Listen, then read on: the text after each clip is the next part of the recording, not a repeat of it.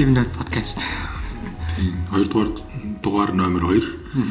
Өнөөдрийн сэдв а PWA буюу Progressive Web Application.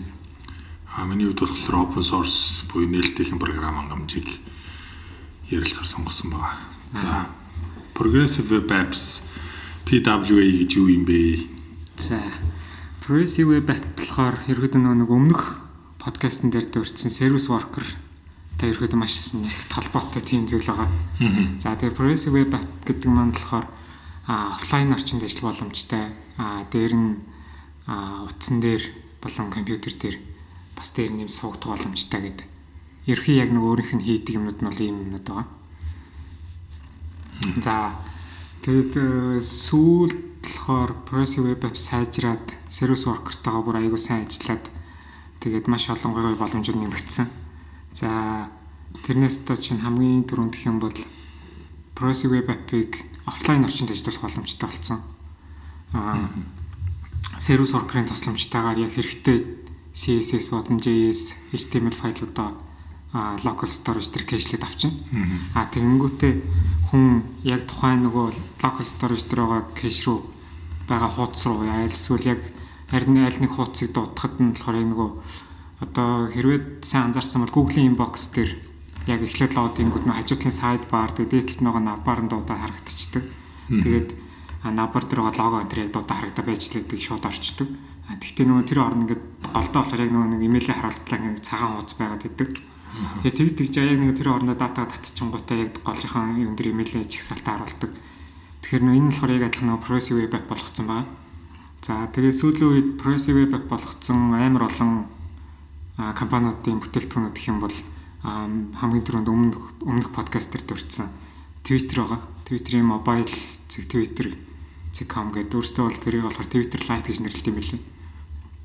За энэ хөлбөр болохоор нөгөө нэг одоо шууд офлайн орчинд ирэхэд ажиллах бүх боломжуудаа хангацсан байна. Аа дээр нь Uber, Lyft аа нэлээ олон аа бас Google Photos бас байсан. Google Maps бас progressive web app болгоцсон байсан. Яг хөө сүүлийн нэг юуны мобайл аппликейшн хөгжүүлэгчд ч юм уу гадныхны нэг яриад байгаа нэг юм болохоор ер нь одоо юу гэдэг за native ч юм уу одоо native буюу яг түрүүн том платформ зориулсан app заавал хийх шаардлага байна уу гэдэг нэг юм айгүй сони юмнууд яриад байгаа шүү дээ. Яагаад тэгэхээр ямар ч app-ыг ингээд хийсэн За хамгийн багадаа нэг 3 4 мега ч юм уу 5 мега болоод байна тий. А гэтэл ерөнхийдөө яг хуу энгийн зарим одоо жишээ нь Twitter гэдэг аваад үзэхэд Twitter-ийг өөрөө progressive web apps болохоор нэг маш жижиг хэмжээтэй.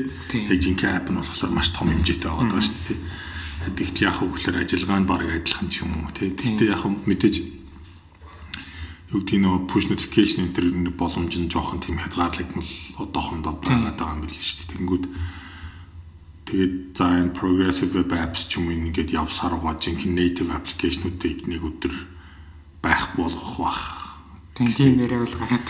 Тийм ярианууд гараад байгаа. Одоо тэр чинь болохоор нүг юу гэдэг HTML5 гарч явах үед чинь за ер нь бол native application бол хэрэггүй юм байна гэдэг те тэр чинь нэг тэр нэг юм давлгаа яваад тэрэнд нөө нэг Facebook-ийн маань Zuckerberg автаад те хизээч юу гэдгийг Facebook-ийн native app хийхгүй гэдэг нэг тийм юм гаргаад бүх юм вебээр явж ийсэн. IPO хийх өмнөх юм билүү дөнгөж дараах нь ч үлээ. За зөв юм бол app-н дээр юм байна гэдэг. Тэгээд app руу ороод тэгээд app-н дээр нь мэдээж бол тэр нь бол амжилттай болсон бүгдээр л мэдчихэж байгаа шүү дээ. Аа. Одоо Progressive Web App-ын чинь бас нөгөө нэг эсрэг талаас нь Apple бас юмлцсан гэдэг шүү дээ. Аа юу гэдэг progressive web apps-ыг яг жишээ нь өнөөдөр хин хамгийн их түлхэж байгаа. Хин хамгийн хөгжүүлж байгааг харахаар миний харж байгаа бол Google байгаа байхгүй юу? Google Google одоо юу гэдэг Google-д ямар сонирхол байна ч юм уу гэд ингээд юу гэдэг веб бол вебээр байх хэвээр те хинч хаанаас ханддаг байх хэвээр гэдэг ерөнхийдөө тэр юм руугаа яваад тах шиг байгаа. Ягаад тэгэхээр бүх нөө бизнес нь хайлт дээр ч юм нээлттэй байдал дээр А Facebook болохоор чи ингээд аль болох ингээд бүх юмыг app дотор оруулах гэдэг те тэр app-аас ерөнхийдөө аль болох гарахгүй байх гал хичээгээд байгаа те. Тэнгүүд яг хөглөр хэрвээ тийм байдал нь ингээд дамжираад байх юм бол нөгөө Google-ийн өөрхөн бизнест нөлөөлөл нь ч юм уу те. Тэнгүүд одоо нөгөө талд нэг саяны Apple гээд ярьж байгаа шиг Apple болохоор мэдээж одоо өнөөдөр маш том орлого нь нөгөө App Store-ийнх нь 30% шимтгэлээс авч байгаа шүү дээ. Тэнгүүд яг хөглөр бүх юм ингээд нүг progressive web apps-ыг дэмжих юм бол одоо юу гэдэг тэр орлого нь өөрөө хасагдах байх гэсэн нэг тийм юм бас нөө веб хөгжүүлэгчид ч юм уу аппликейшн хөгжүүлэгчид яриад бичээд нөө Twitter дээр ярилцж байгааг би харчаад нэрээ тийм тэгтээ progressive web apps нь ийм үнэхээр юм амар олон боломжтой гой боломжтой ч юм уу native app-ыг баг орлуулах боломжтой юм бахтай гэж гайхчлээсэн л да. Twitter бол тийм байх тийм. Тийм. Яг хаа одоо чи нэг progressive web чи нэг давуу талууд гэх юм бол бас нэлээд байгаа юм л та. Одоо аа яг аппликейшн шиг өөрөө splash screen тий тий ингээд яг дараал оронгууд яг тэр нэг аппликейшн өөрийнх нь нэг өнгө байгаа тэр өнгө ингээл хараад байж лоод хийж байгаа л тэгэл аппликейшн яг бүтэн лоод хийж дуусаалыг дэлгэц бүх юм харуулцдаг. За progressive application бол яг тэрийг хийж байгаа. Өөрийнхөө нөө manifest зэгж JSON-ийн тусламжтайгаар. Тэгээд яг native app-ыг бодвол хэмжээ нь амар бага болчихж байгаа. Аа баг яг өөрийнхөө native app-ыг бодвол баг нөгөө нэг boot boot app-ийнх нь хугацаа бас хамаагүй богинохон байж магадгүй. Нөгөө нэг зүгээр тэр чинь одоо iOS дээр ч юм Android дээр ч юм ерөөсөө яг web л дутчихж байгаа нөгөө браузер л нийцж байгаа болохоор ер нь бол тэгж яриад байгаа. Тэгээд service worker-ын тусламжтайгаар одоо notification шийдэх те. Аа яг notification нөгөө нэг яг native app-тай харьцуулах юм бол жоохон дутагдaltaй. Яг цаанаас ингээ сервер шийдэж байгаа notification дээр тэгдэг болохоос яг нөгөө native app ч юм болохоор чи яг нөгөө Android ч юм уу яг Google System-ийн API-г ашиглаад API-г ашиглаад одоо энэ location дээр ирэхэд notification шийднэ гэдэг ч юм уу тийм тохиолдол хийсэн байгаа шүү дээ. Энэ нөгөө нэг progressive web app дээр болохоор тэр юм боломжгүй. Яг цаанаас серверээс шийдэх ч юм уу тийм илүүтэй. Тэгээд аа дээр нь а progressive web app ерөнхийдөө нэлээд хурдан бас ажиллагаатай байгаа. Ягаад тэгэхээр өөрөө нөгөө нэг бас яг өмнөх нэг подкастн дээр ярьжсэн шиг service worker дээр бүх нөгөө хэрэгтэй юмудаа локал дээр кэшлээд авчдаг. Тэнгүүдээ сервис worker мань болохоор өөрөө нөгөө өөрөө өөрийгөө инсталтаад апдейт хийгдсэн байвал апдейтлаад шууд бүх юма хийгээ явцдаг. Тэгэхээр нөгөө шинээр одоо магадгүй минийх дээр нэг CSS өөрчлөгдсөн байвал тэр CSS юм уу татаад аваа суулгачдаг. Өөрөө кэштэй хийждэг. А тэнгүүтээ нөгөө кэшээ дуудаа дотроос нь яг хүсэлт явуулахад нь хүсэлтийн дундаас нь интерсепт хийгээд а энэ хүсэлт одоо надад кэштэнд байгаа гэдгийг шалгаж үзэнгүүт нөгөөхө буцаага харуулчих болохоор айгүй баг болчихж байгаа. Тэгэд яг бас нөө progressive web apps дээр нэг юм үзчихсэн чи тэр нэг кино миноны сайтн дээр чинь киногоо барыг татаж авчаад дараа нь үзчих үздэг тийм нэг жишээ харагдчихсан тэр тийм боломжтой би худлаа юм харчаад худлаа юм санаад байна. Аа миний Сэрвээ яг уншсан зөв бол local storage-ийн хэмжээ бол одоо ирэхэд нэг анх гарахтаа айгу бага байсан. Тэгээ сүүлд болохоор нөгөөх нь баг ингээд хязгааргүй болсон юм юм ярьж илээ. Тэгэхээр тэр бол баг боломжтой л гэж бодож байна. Яг өөрөө бол хийж үзээх болохоор сайн мэдэхгүй. Тэгээд яг progressive web apps төр чинь чинь яг одоо бид нар ингээд юуг нэгэ сүүлийн ингээд чиг хандлага юм хөгжлөөр харахаар progressive web apps бол одоо юу гэдгийг Chrome дээр хамгийн сайн дэмжигдээд явж байгаа.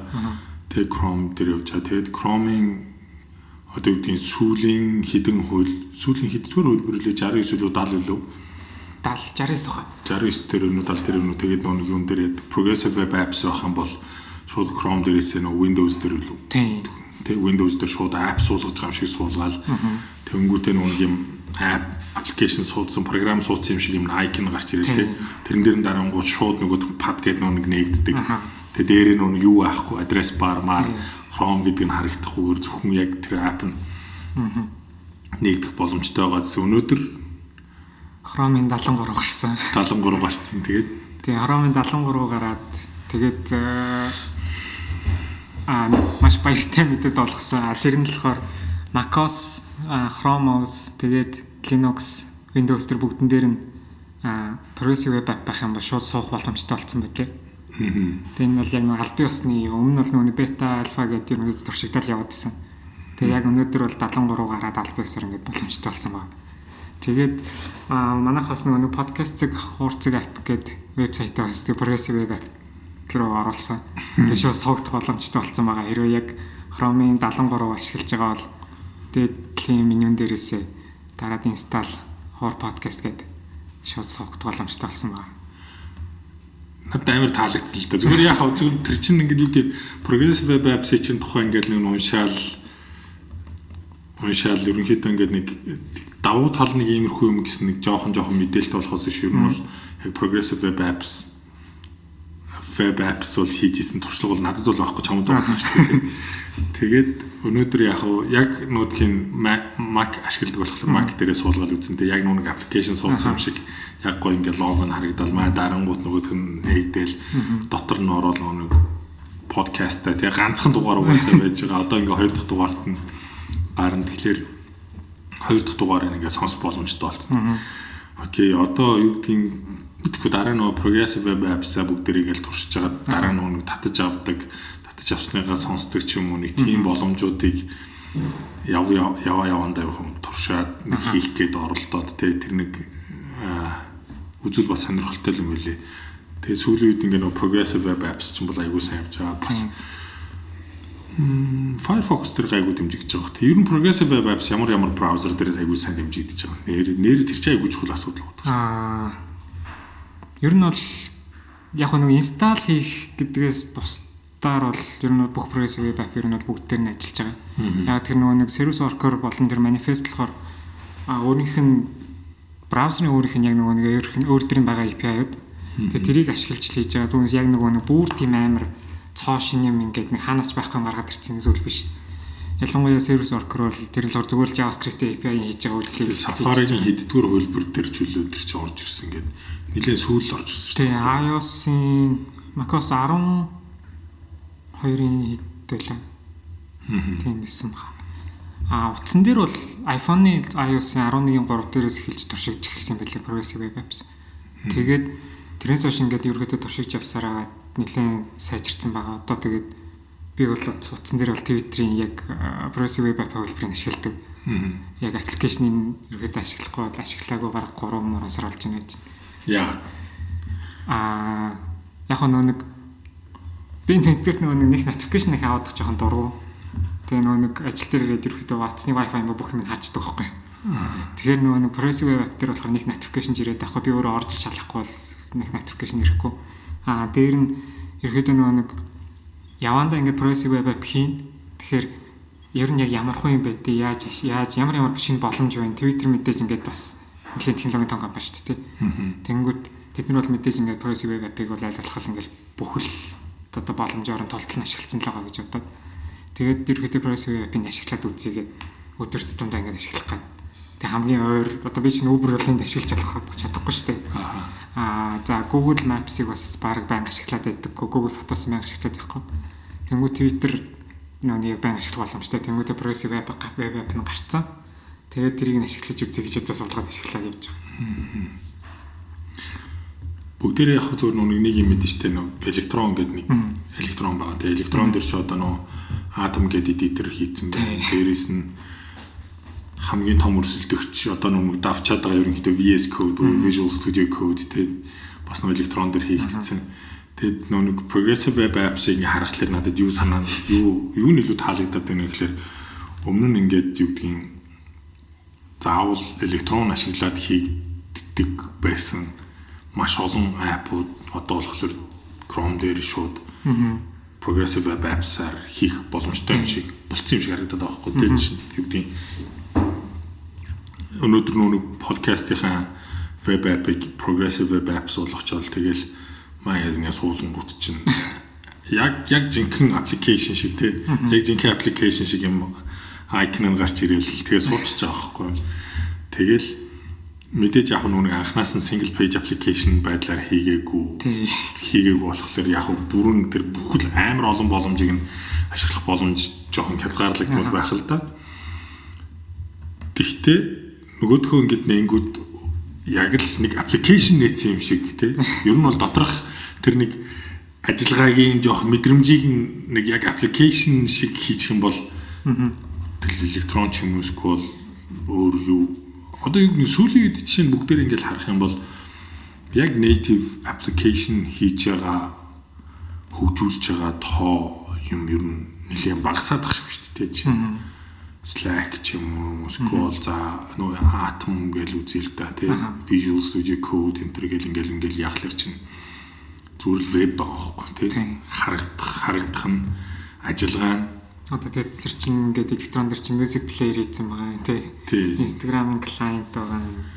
Тэг яг ажиллагаа харагдах байдал тэр мэдрэмж нь яг application шиг тэгсэн мөртлөө зүгээр л веб байгаа даа. Аа. Тий. Тэнгүүд тэр чинь нэг юу гэдгийг а хамгийн гоё давуу талууд нь болохоор чи миний миний бодлоор нэг аппликейшн гаргалаа нөгөөдгөндөө апдейт гаргана нөгөөдг нь хүн татчаав суулгах суулгахгүй гэл амар олон асуудлууд байгаа шүү дээ. Progressive web apps ч болохоор чинь нээлээ нээгээд те тэнгууд нь нөгөөдг нь интернет холбоотой үйл шууд автоматар өөр өөргөө шинжилгээд явуулах шүү дээ. Нөгөө нэг Play Store энэ төр чинь цаанаас нэг заавал нэг ревю хийдэг шүү дээ. Тийм тиймэрхүү юм байхгүй шууд л байгаа юм л. Харин тийм тэгээд нэг юу яах вэ гэхээр ер нь бол нөгөө хөгжүүлэгчдийн амар тийм эрхчлөлт айгуу гой болгоно гэл. Гэхдээ нөгөө нэг амар том асуудал байгаа тийм Chrome асаахлаар компьютер RAM амар. Ялангуяа лаптоп ч юм уу эсвэл жоохон хүчин чадал муутай бол айгүй их RAM иддэг. За батарейг бол зүгээр уун уун тий. Тэгээд яг хөө тийм нэг хідэн сул талгаа явандаа ингээд засагдаад нэлийн гайгүй болох байх. Гэхдээ ер нь бол яг би бол жишээ нь айгүй олон юм дээр бодсон байхгүй. Ер нь яг native app хөгжүүлэх шаардлага шаардлагатай юм уу? Яг үнэндээ. Яг үнэндээ. Тэ. Progressive web apps хийгээд одоо бол ингээд Chrome ашиглаад бүх iOS нүүн юм дээр тэ Linux, Mac тэ Windows дээр бүгдэн дээр нь ажилтдаг яг юм гоё app хийчих чинь те яг үнэхээр жишээ нь тэр PWA-ийн жоохон хязгаарлагдмал байгаад их юм бол нөгөөдхөө электрон дотор оруулаа хийчих болж чинь те тэгээд электрон ашиглахлаар чинь тэн дотор ч нөгөө Chrome байж байгаа. Дээрээс Node.js үж идэг тэмүүд Node.js Chrome байгаа учраас яг хөглөр чинь жоохон баг зэргийн C++-ын ч юм уу C-ийн мэдлэгтэй болвол яг хөглөр яг дотор нь байхгүй. Маш олон боломжийг хийх боломжтой болчихж байгаа байхгүй нь тий яг үүлний систем тэг бүр нэгт ажилдаг бла бла бла янз бүрийн юмнууд хийх боломжтой. Тэгэхээр би гайхаад байхгүй. Яг өмнөдөө жишээ тэгэд яг хөө сүүлийн нүг юу гэдэг React Native дээр бас харж ахлаар чи React Native дээр core core contributor core developer дотор нь ерөнхийд нь Windows-ийн Microsoft-ийн маш олон ажилчдууд юм байл шүү дээ. Тэгээд React Native дээр яаж API-гээ тэр нь Windows дээр ямар ч асуудалгүй ажилдаг болох уу гэдэг талаас нь бас айгүй их санаа оноо гаргаад ингээд ингээд ингээд яваад идэв юм билээ.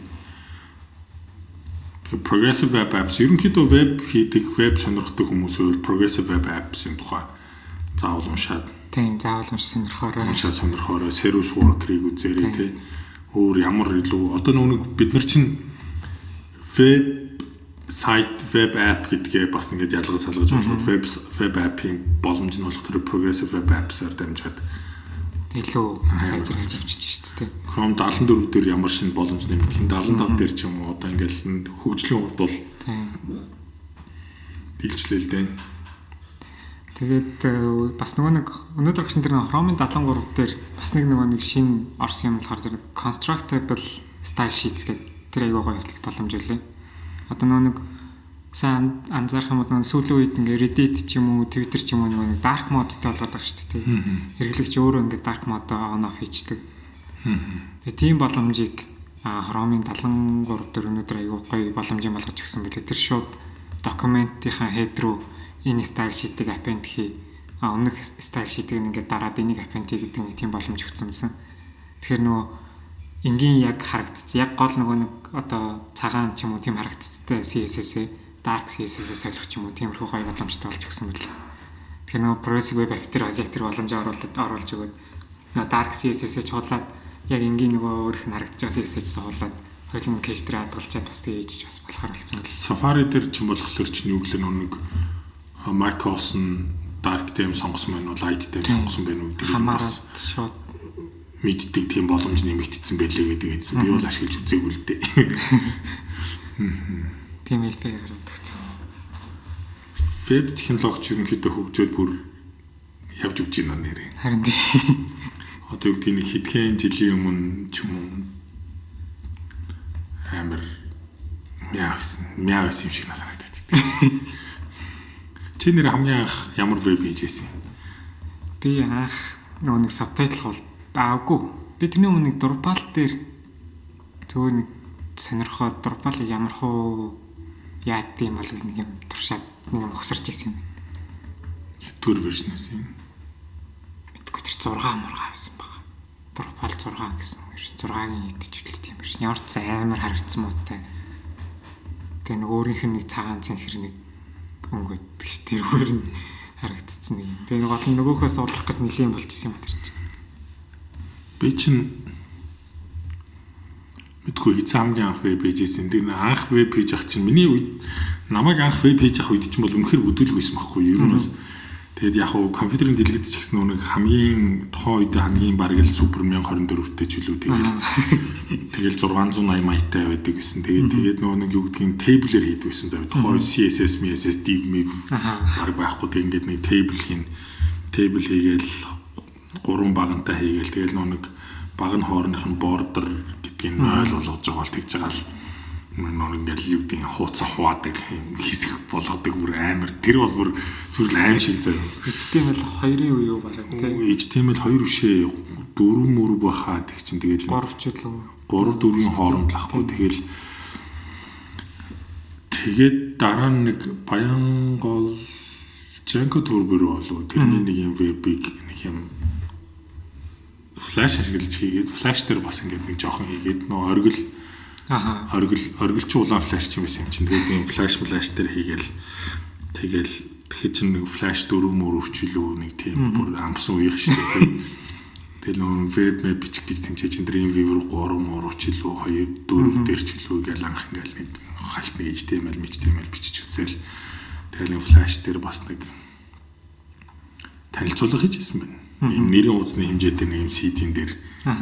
Нэг юм танилцуулга маа нөт нэг хийнгүүд автораа нь ажиллаад автораа нэг тухайд флаш ч болохоор нөө exe болгоод экспорт хийдэг боломжтой байсан. Тэгэл хийнгүүд автораа нөгөө exe-г нь ажиллуулаад банк гарч ирдэг те. Гэвчлэнгээр ингээл нэг тухайд бол бүдүүлэг бүдүүлэг юмнууд хийц. Тэгэл яг нүн ингээд теглэр веб-ийгээ сурчаад дараа нь div руу орох гэж бас аягүй их зовсон. Ягаад тэгэхээр ингээл гэдэг хамаг юм чинь яг тэнцэнэ ингээ байж байгаа тий. Бүх сэтгэлийн дахиад өөрчлөгдөх хэрэгтэй. Тэгэл тэр нэг float right left clear fix mix ч үлээ тэр үст.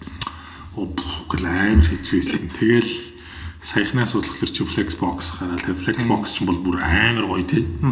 Бичигэл аягүй амархан илүү дутуу float байхгүй. Тэгтэл бас тийшээ шилжих гээд ингээд нэг хиндэ болон mental модель нь бас аюу хэцүү. Одоо grade гээд бас нэг шинэ юм гарцсан тий. CSS grade гэдэг. Тийм CSS grid нь болохоор чинь юу гэдгийг заавал нөө flexbox ч болохоор заавал нөө хайрцаглаад байгаа шүү дээ. Одоо юу гэдгийг аа хамгийн гадналын хайрцаг гэж нэг юм. гадналын хайрцаг. Дараа нь ингээд нэг дотор нь хайрцаг тэрнийхээ дотор хайрцаг тэрнийхээ дотор хайрцаг гэж юусэн бол grid нь болохоор чинь заавал тийм байхгүйгээр дуртаагаар ингээд юмудаа байршуул байршуулж болоод. Йоо тэр нэг хуучин нэг тейблийн үед чинь гайгүй байсан баха. Тэгээд сүүлд нөр юуны үед Flexbox-ийн өмнөх нөө Div-ийн float-тэй үед чинь нөр ингээд юм чинь өндрөөшөө голлуулж байрлуулна гэдэг чинь яа юм бас. Үнэхээр бүр ингээд төвчээр шалгасан нэг тийм хөгийн ажил байсан ш. Тэгэл чичээ query mo query гэждэг. Тэгээд дээр нь responsive байх хэрэгтэй. Responsive ч бүр сүүлийнх ш. Бүр сүүлд ахгүй хамгийн анхны нэлээд олон хүмүүсийн хэрэгэлдэг responsive вебсайт болохоор юуныхыг хийсэн. Өргөө нэг хийжсэн шүү дээ. Тэгэл ягт чинь тэр үед бол гэхдээ гар утас хэрэглэгчд бол маш цөөх хүмүүс. Тэр чинь хэдэн онд юм бэ? Нэлээд дээр үед тахгүй. 10 2 3 онд юм. Аа. Тийм. Тэгэл responsive web гэдэг юм чинь ингээл lines догоо юм байна Гэл тэгэл өргөөгийн вебийг чинь ингээл responsive болгоё гэдгийгсэн чинь тухайн үед байх юм ингээд нөгөө захирлын биений хальт таньдаг байсан байхгүй нэг залуу байдаг. Тэгэл очиод юм responsive юм ингээд юм гоё веб тэг юм гар утсан дээр ингэж харагддаг маа ингээд хамаар ингэж харагддаг марагддаг энэ нэг нөгөө чинь рекламадад үзүүлээд Тэгээд тэгсэн чинь нөгөө л нэг ярьдаг юм баггүй. Нөгөө Google Analytics-а гаргаж ирээд хардаг. Тэ тэгснэ. Манай гар утасны хэрэглэгч чинь нэг юм 15 10% байна. Тэ. Компьютероос орж байгаа нь үлдсэн байна. Тэгээ наадах чинь тэгээд би ч нэг юм responsive болохоор жоохон үнтэлжгүй мэдээж тэ. Тэгэнгүүт нөгөө чинь на responsive хэсгээ хасчих. Тэгээд үнэ жоохон буулгачих гэдэг тэгэхээр гүрээсээр бол үнэ хассан ч гэсэн responsive хасаагүй л дээ. Тэгээд яг хөглөр тэрний ядаргаатай юм болохоор миний нэг нөгөө нэг хүнд хар хүнээс асуугаад исэн. Өөртөө тавьж исэн асуулт байхгүй. Гар утснаас орохлоор онцгой харагддаг болоод хүмүүс гар утсаар орохгүй юм эсвэл гар утсаар угаас орохгүй юм? Аа. Тэрний шалтгааны мэдгүйсэн шүү дээ. Тэгээд жилийн дараа ахад бид нөгөө вебсайтн дээр нь шинжил жоохон шинжилт өөрчлөлт хийсэн л дээ. Тэр үед Google Analytics-ийг харахад чинь бараг 40% нь гар утснаас ордог болчихж байгаа байхгүй.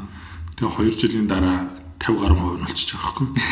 Тэгэнгүүт чинь тэгээд гисэн чинь сүүлдээ бүр ингээ нэг вебсайтын шинжилгээтэй десктоп хөвлбөр дээр нь баг анхаарах болж байгаа юм чинь. Тэгээ яа тэгэхээр дийлэнх хэрэглэгч нь гар уснаас орж идэг. Тэгэхээр тэр хүмүүс нэг хэмжээний яаж баг бах уу, яаж хурдан ажиллах уу гэдэг юм дээр л ингээл анхаарал десктоп дээр нэг жоохон чимэглэр юмнууд хийгээл тэгэл баг гэл шинжилдэг. Одоо бол хэрвээ веб хийж сурж байгаа шууд Flexbox тий. Flexbox-оос өмнөх нь бол угаасаа сурах хэрэг байхгүй. Яагаад гэвэл Legacy хэлцсэн. Тийм тийм. Тэр бол хуучирсан тий. Тэгээд хуучин Internet Explorer 8.8-ыг бол зүгээр ингээ хайцсан дээр байхгүй тий. Эсвэл 10 11 ч ингээд хаяад Microsoft ч гэсэн өөрөө хайчаад байгаа юм чи гэсэн. Тэгэл нэг гой шин технологи ч юм уу гой ч юм уу ерөнхийдөө ингээд нэг гайгүй хүлэн зөвшөөрөгдсөн нэлээд түгээмэл болчихсон гой шин технологиудаа ашиглаад ашиглаад явчихвал. Тэгвэл тэр нэг хууч юм ингээд авч явах ч жоохон ядаргаатай юм шиг л Харин тийм. За progressive web app сураарай. Тий. Тэг яг нөгөө progressive web app-ын чинь нэг даваа тал нь манайх чинь бас харьцангуй гайгүй хурдан интернеттэй газар шүү дээ тий. Тэгэхээр нөгөө нэг бас яг нь зарим удаан интернеттэй газар бол тэгжэлтгэл юм байл л дээ ингээд тухайн ингээд интернетийн урд нь бүр ингээ 2G имийг болцсон байх юм бол заавал одоо яг энэ хуудасны хэсэгт ингээ нэг зураг байх хэвээр гэдэг CSS бичсэн байтал нөгөө зургийнхын хэмжээний самараад нэг CSS эвдрээд дэше доошоо ч юм уу болох тохиолдол үүдэг шүү дээ.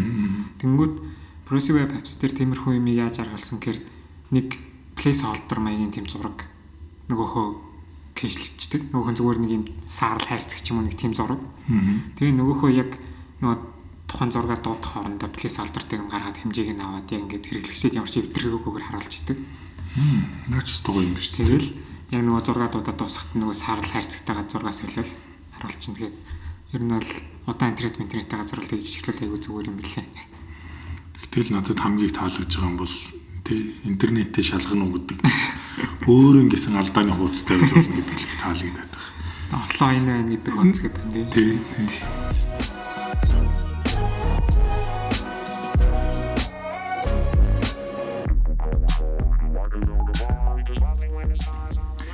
За дараагийн миний сэдв рүү орох уу? За тий. За open source. За open source гэдэг юм бол open source гэхэлэр бүгдээрээ мэдж байгаа юм бол нээлттэйхэн програм хангамж нээлттэйхэн програм хангамж гэдэг байгаа ч гэдэг. Чи бид горжин ч гэсэн ерөнхийдөө open source-оор л дамжиж анх танилцсан. Би ч open source-ийн буйнд нэрээ зөндөө олон юм үтсэндээ гэсэн. Яг open source гэхэлэр бидний дунд нэг байдаг нэг зарим нэг буруу ойлголтууд энэ төр байгаа юм л да. Өөрөөр хэлбэл яг дэлхийн нийтээр ингээд яригадаад байгаа юм нь болохоор их код нь нэгдүгürt нээлттэй байх хэвээр тий. Өөрөөр хэлбэл тэрнийх нь кодыг нь үзэх үзэх боломжтой байх хэвээр. Open source байханд бол дараа нь яг үгээр аа өөрчлөх боломжтой байх хэвээр. Тий. Тэгээ тэрийг дээрэс нь хамгийн гол нэг чухал юм нь болохоор өөрчлөлтөө бас цааш нь хүмүүс түгээх боломжтой байх хэвээр Дээрээс нь за нүг хамгийн сүүлийнх нь юм нь болохоор ер нь бол тэр open source програм хангамжийг ямар нэгэн хязгаарлалтгүйгээр ашигладаг ашиглах боломжтой байх хэрэгтэй болчиход байгаа хгүй. Ягаад гэвэл үгдийн жишээ нь бид нар нэг юу гэдгийг за сүүлийн үед нөгөө хараад байгаа юм чинь болохоор Huawei-г авчаал Иранд юм зарсан ч юу нэг юм яригдал ингээл яваад байгаа шүү дээ. Тэгэхээр гадны том програм хангамжууд болохоор за энийг бол одоо юу гэдэг нь хойд солонгост ашиглахыг өргөлнө, Иранд ашиглахыг өргөлнө ч юм уу тийм нэг юм хязгаарлалтууд байдаг тийм. Эсвэл одоо цэргийн зориулалтаар ашиглахыг өргөлнө ч юм ямар нэг хязгаарлалтууд байдаг. Тийм нэг хязгаарлалтууд юусоо огт байж болохгүй. Аа бас нэг хамгийн том нэг буруу ойлголт нь юу гэдэг вэ? Open source болохоор оюуны өмчөөр хамгаалагдаагүй ч юм уу. Тийм нэг тийм ойлголт байдаг. Тэр болохоор айгүй буруу. Яг тэгэхээр open source бол оюуны өмчөөр хамгаалагддаг ерөөс байн хамгаалагддаг. А ганц ялгаа нь юу гэхээр лиценз, програм хангамжийн лиценз буюу тэр оюуны өмчийг хэн яаж ашиглах юм бэ гэснийг эрх олгож байгаа. Тийм лицензэндээ тэрэн дээрээ болохоор за дуртай зорилгоор ашиглаж болно, их кодыг авч болно, үзэж болно, засварлаж болно, ахаа цааш нь тарааж болно тий. Гэх мэтлэнгээр хязгаарлах биш харин нүг тэр кодыг авч хэрэглэж байгаа хөгжүүлэгчид ч юм уу хэрэглэгчид дандаа эрх олгосон байгаа гэдгээр л жирийн нүг юм хаалттай програм хангамжаас илүү ялгаатай байгаад байгаа шүү. Тэр нөө open source дээр юм ингээд нүг юу гэдэг амар удаан ингээд ингээд шинэ юу гэдэг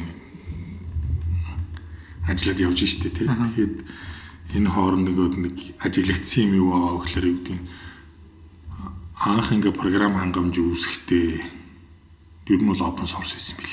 Аа ер нь бол open source. Ягаад гэвэл ихэнхдээ эрдэмтэд бичдэг програм. Тэгээд эрдэмтэд болохоор яг хөглөр нөгөөдөх нь эрдэм шинжилгээний ажил хийгээл нөгөөдөх сэтгүүл төвлөрүүлдэгтэй адилхан програмаа ч гэсэн яг хөглөр ингээд бичээд нөгөөдхөр ингээд хүмүүст үзүүлдэг хаахуулдаг те нэг талаас нөгөө талаас яг хөглөр програм хангамжийн дандаа нэг юм тоног төхөөрөмжтэй хамт явдаг учраас аа тэр нөгөө тустай юм гэж юу ч ойлгогддгүй. Тэгээд тустай юу ч зарагддгүй, борлуулагддгүй байсан юм байл л дээ. Яг зөвхөн нөгөө тухайн хардвертэй зориулаад юм хийж тээ. Тийм. Тэгээд тэгээд тэр чинь нөгөө ингээл явсаар байгаа л юу гэдэг жирийн ерөнхий зориултын бидний өнөөдөр ашиглаад байгаа компьютер чинь ерөнхий зориултын компьютер гэдэг байгаа шүү дээ. General purpose computer гэж яриад байгаа. Тэгээд тийм гараад програм хангамжинд тусдаа болж эхэлсэн чинь л кодууд нь хаалттай болвол тийм Аа тэгэд яг хаалттай болж эхэлжсэн. Сүүл рүүгээ open source програмууд гарч ирээд нээлттэй болоод эхэлсэн чинь хүмүүс ихэндээ гайхдаг байсан байхгүй. Энэ яагаад open source болох ч юу? Яах гэж байгаа юм бол энэ төр гэдэг байсан. Тэнгүүд сүүлийн бүгдэр ингээд чинь юу гэдэг 10 жилийг ингээд аваад үзэхлээр тэр асуулт байхгүй болсон байхгүй. Угаасаа л юм. Угаасаа л open source байх хэрэгтэй. Тэ? Ягаад open source биш байгаа юм? Гэдэг асуулт дандаа гарч ирдэг болсон байхгүй. Юу гэдэг нь 2007 онд ч үлээ 6 онд явж хагаад Sun Microsystems тухай байсан шүү дээ тий. Тэгэл тэрний нэг open source-ын хариуцсан Simon Phipps-тэй тааралдаад ярьж байхад тэгсэн байхгүй Java бол open source болно. Тэгтээ хизээвэ гэдэг л асуудал гэж байна. Тэгэхээр одоо шинээр хийж байгаа програм хангамжууд ер нь бол open source байна. Тэгтээ яг яаж вэ асуудал болчиход байна шүү дээ. Одоо open source биш байхлаар битггүй програм хангамж гэж авч үзэх юм уу бас л. Одоо ер нь зүгээр сүүлийн үед явж байгаа хамгийн том хаалттай програм хангамж гэхэлэр чинийхээр юу вэ? Windows Mac тэгэл Тэгээ өөр чинь баг бол ихэнх хэрэглэж байгаа юм чи бүгд л open source болсон байгаа шүү дээ. Microsoft хүртэл өөрсдөө ингээд төглийн зөвшөөрөө зарим open source болгоцсон болохоор. Гэнтэн тэгээд За вебийн технологи ингээд аваад үзэх юм бол одоо хаалттай юм юуж байхгүй болчихсон. Тийм бүгд open болцсон. Хаалттай юм юуж байхгүй болчихсон шүү дээ. Жишээ нь одоо юу гэдгийг jQuery бол угаасаа анханаас open source байсан. React open source, Vue.js, Angular.js өөр юу гэдэг Ember. Аа. Одоо юу гэдэг нэг юм хаалттай нэг юм нэг програм хангамж хийгээд веб зориулж хийгээд нөгөөдөө ингээд зардаг. Тийм юм нэрээс бүр явах хэлцээ байхгүй болчихлоо л дээ. Аа тэгээд бас нөгөө нэг харагдаж байгаа юм нь болохоор open source бас хэтэрхий эхлэх нөгөө програм хангамжийн компаниуд байхгүй болчиход байлээ. Нэг асуудал. Жишээ нь юу гэдгийг Google нэг амар том ангас шүү дээ. Google, Facebook энэ төр чинтэй тэнгүүтээ өөртөө нэг амар том юм асуудалтай ингээд болонгуудаа тэгээ тэрийг шийдэх нэг програм хийдэг хингүүтээ нөгөөдхөө заа заа тэрийг угаасаа өөрсдөө ашиглаж байгаа тийм ашиг тусаар авчиж байгаа хгүй. Тэгснэ за за бусд хүмүүс хэрэглэг хэрэглэх гэдэг open source болгоод тавьчих байгаа хгүй тэнгүүд нөгөөдх салбар дээр нь байжсан бүгдээр байхгүй болчих шүү дээ тийм одоо хамгийн сүүлийн жишээ гэх юм бол Kubernetes шүү дээ тийм Kubernetes чинь Google юу гэдэг нь дотоод байгаа амар олон серверүүдээр ресурсыг зөв удирдаад тэр контейнеруудаа зөв удирдахад зориулаад хийгээл явж исэн тийм тэрнийх нь эсрэг контейнер өдөрдох маш олон технологиуд ингээл амар бол ингээл зэрэг ингээл хөгжүүлэл тус тустай компаниуд хөгжүүлэл явжсэн Kubernetes гаргаж ирэл open source болгоод тэгээд бүгд байхгүй болчихж байгаа. Бүх хүн дэшин тэгэл явчих. Бүх байхгүй тий. Өнөөдөр Amazon Kubernetes дэмжиж чинь, Google дэмжиж чинь, Microsoft дэмжиж чинь бүх өнөөдөр cloud үйлчлэг үзүүлж бүгд Kubernetes дэмжиж байгаа. Kubernetes дэмжихгүй бол cloud provider биш болчихж байгаа. Тэнгүүд энэ салбарт ингээ ажиллах гад ингээд явж исэн докер маань хүртлүүд ингээд бүр өөрөө маягүй хэцүү болчихж байгаа. Чи жишээ нь за open source ашигласан. Open source за нээлттэй програм хамжиглах чамд ер нь юу бодогдгийг чамд ашиг тулс давуу тал сул тал нь open source гэхээр тэгэл одоо миний анх ашигласан open source бол баг Ubuntu Linux дээрээс л яг явжсэн. Тэгээд тэгэл нөө нэг чинь айгүй сонин юу яаж юм л та. Windows дээр яг нөгөө байдаг хэрэглээнийхээ юмнуудыг яг нөгөө Ubuntu дээр ашиглах гад ингээд яагаад эхэлчихэж байгаа. Тэнгүүт ингээд одоо нөгөө нэг GIMP гэл тээ бас яг open source шүү дээ мультиплатформ бүгдэн дээр нь байдаг. Тэг яг Photoshop шиг үү яг ажиллах адилхан юм байдаг. За тэнгүүт дахиад ингээд бас нэг open source ингээд ингээд явчихж байгаа. Тэгээд аа яг сүүлийн үед хамгийн их ашиглаж одоо үр шимийг өртөж байгаа open source гэх юм бол Django байна. Аа дээр нь React байна. Python байна. Python байна. Тэгээд open source тэгээд дээр нэг өнгөө ингээд тэг нээлттэй хямраа хэмжээ ингээд юм ашиглаад ингээд хамгийн их одоо үр шимийг өртөж байна. Хамгийн хэдэн онд гэсэн үг? Аа бараг 10 байна 9 онд хаа ах яг бонтоо гэл тэгэл нэг юм байт юм байна гэл тэгэл нөгөөх нь хийж үзэл ингээл нөгөө ингээл яг л нэг Windows дээр байдаг юугаараа сэтгэлгээгээр ингээл аа за за ингэх хэвээр энэ нөгөө юуг нь яаж крактах юм бол мал гэх тиймэрхүү асуудал хайж эхэлж байгаа юм чи. Тэгэл ингээл өө чи ингээ үгүй юм биш тэгэл тэгээ өө ингээ сууч тийм нөө ингээ болчихж байгаа юм ингээл. Тэгээ яг ямар ингээд нөгөө нэг одоо хуулийн зохицуулалтаар ингээ болчиход байгаа юм бол гээл тэгэл ингээл хангаж нөгөө нэг жинөө гээл тээ Public license байгаа шүү дээ. Тэгэл тэр мөрийг ингээл хараалаа. За за ийм учиртай байна гэл. Тэгэл за за ер нь айгу зүгээр юм байна гэл тэгэл ашиглаж. Юу хамгийн их ингээд таалагдсан ер нь нөгөө нэг би тэр нэг э, тухайд YouTube дээр явжсэн мэт нэг бичлэг үзчихсэн байхгүй нөгөө нэг open source нэг project үүсгээд тэр Ubuntu-гийн холио өөр нэг Linux distro гэх л байсан. Тэг ингээд анх бол код core код ингээ гаргаад нэг хүн ингээ хийгээд тавьсан. Тэгсэн чинь ингээл нэг хідэн талаас ингээл баахан хүмүүс хурж ирэл нөгөөх төр нь хөгжүүлт ингээл нөгөөх нь ингээл амар томрол. Тэгэл ингээл явжсэн чинь нөгөөхөөс ингээл нэг бранч маяг юм гараад нөгөөх нь өөр нэг бүтээгдэхүүн бодлоо нөгөөх төр нь баахан олон хүмүүс ингээл тэгэл тэрийг хараад оо за энэ ингээд амар олон газараас хүссэн үн ингээд хөгжүүлэлтэнд нь оролцоод юм ин хөгжүүлээд бүр ингээд хамтдаа хэрэглэх гоё болоод бүгдээр ингээд өөр шимийн өртөөгөө явчихж байгаа мэй гэдгийг хараад тэгэл айгуу гой салгажсэн. Би болохоор тэр хэдэн онд юм бэ? 2000 нэг 2 онд юм ба шүү дээ нэг юм нийтлэл уншихгүй юу? Linux гэдэг нэг юм үйлний систем байна. Код нээлттэй болохоор ингээд хүмүүс өөрчилж мөрчилж болд юм байна молд юм байна энэ төр гэл те. Тэгэхээр нь л бодож байгаа хгүй би өөрөө гэсэн нэг юм Windows шиг юм хийж болох юм байна гэж бодоод. Тэгж бодоод. Тэгэл сонирхож ихсэн л дээ тэгээд угаасаа өөр ингэсэн тийм Linux хийж үзээгүй л дээ мэдээж. Гэхдээ яг уу тэрнээс нь ингээд сонирхлоос нь бол за нөө open source гэж юм байт юм байна, ингэдэм байна, тэгдэм байна гэл тэгэл нэг тухайд Open MN team гэдэг байсан дээ мэдхүүд. Нэг GNOME KDE энтри чинь нэг монгол хэл рүү орчуулдаг. Тэгэл тэр нь тусдаа интернетээр холбогдвол зарим нэг юмнууд тэр нь орчуулж орчуулаад тусалцаал.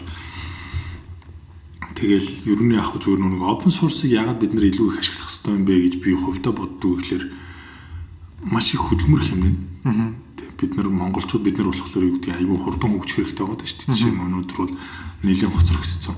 Тэгээ хурдан өгчих гэхэлэр бид нар ингээд нэгэнт хийцэн тэгээ бид нарыг өнгөө их чөлөөтэй дураараа ашиглаач гэдэг юм хийчихэд хахад тэрийг дөөрэлгээ дахиад юм хийгээд тахлаар нэгдүгürt айгу утгагүй юм шиг санагдаад байдаг. Тийм цаг алдна. Тийм цаг алдна.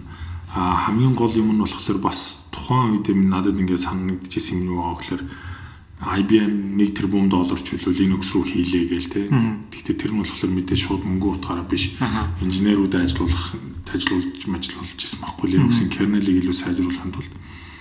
Тэгэд ихлээр тэрнээс нь юу ойлгогдож ирсэн бэ гэхээр тэр Linux-ийн kernel-ийн кодыг би жишээ нь ингээд ойлгоод нэгэн сайн уншиж чаддаг болчоод би IBM-ийн инженер яаж сэтгэдэг те яаж асуудалд ханддаг тэрийг тэр кодноос уншаад би сурчиж болох юм гэж би боддог гэсэн байна. Тэгэд GNOME-ийн ч гэсэн кодыг нэлийн үзэж мүзээ тэр дунд нь байгаа нэг ганц нэг зарим нэг асуудал асуудлууд ингээд засч масаад тий. Төнгө нөгөөд бол нөгөө за баярлаа баярлаа энэ төр гээл тий. Төнгөд нөгөө бас нэг амар гой санагдаж байгаа байхгүй тухайн үед чинь. Тэгэл юу гэдгийг за энэ open source бол юу гэдгийг Монголд бол илүү хэрэгцээтэй юм байна тий. Бид нар ингээд сурах хөгжих боломж нь илүү юм байна гэл тэгэл open source бол юм байдэн шүү гэл ихтэй сургуулиуд модруулуудаар яваал нилээх яриа мэрэ хийгээл те нэг жоохон мэдсэн сурсан юмнуудаас хүмүүст хэлж өгөл явсан. Тэгэхээр а бас нүуник одоо юу гэдгийг open source ашиглажхлаар аюулгүй байдлын үед асуудалтай гэж бас нэг юм яригадаад идэг тэр талаар чи юу гэж боддог? Яа бас яг ч аргу бас тийм үндэслэл биш санагддаг л та. Одоо нэг open source чинь ингээл хүссэн нь орж ирэл ингээл өөрчлөлт юм нийцэж байгаа шүү дээ. Тэгээд магадгүй бид нөр өөрсдөөс ингээд өөрчлөлт явчих болдог. Тэгээд одоо шинэ аюулгүй байдлын ч юм уу янз бүрийн багтай байх боломж бол аюу өндөр байгаа даа. Тэгээд яг тэр хүссэн нь орж ирэл өөрчлөлт явчих байгаа. А тэгтээ бас нэг нөгөө талаар нэг давуу талтай болохоор open source-ийн нэг юм нөгөө хөгжил нь амар хурдан. Тэгээ нэг магадгүй нэг open source project байхад нөгөөх ингээд релиз гарах нөгөө нэг цикл нь ч гэсэн айгүй хурдан байх боломжтой нөгөө нэг хэр олон оролцоод ингээд ямар хөө өөрчлөлтүүд хийгдээд анх тэр milestone яг ямар тавигдсан тэрнээс хамаарат релиз хийх боломжууд нь аюу хурдан болохоор тэгэхээр нөгөө нэг алдаа засагдах боломжууд нь аюу хурдан. Тэгэхээр тэрэн дээр бол яг тэр нөгөө аюулгүй байдлын security-ийн тал дээр бол алдаа гарлаа гэхэд тэр нь аюу хурдан засагдчихна гэж бол ер нь бол нэлийн найдаад тэрхэлдэг. Хуучин болохоор чи нэг одоо ч гэсэн бас заримдаа тэгдэм билээ л дээ. Open source ашигласнаас өөрсдөө бичсэн дээр. Тэр талаар аа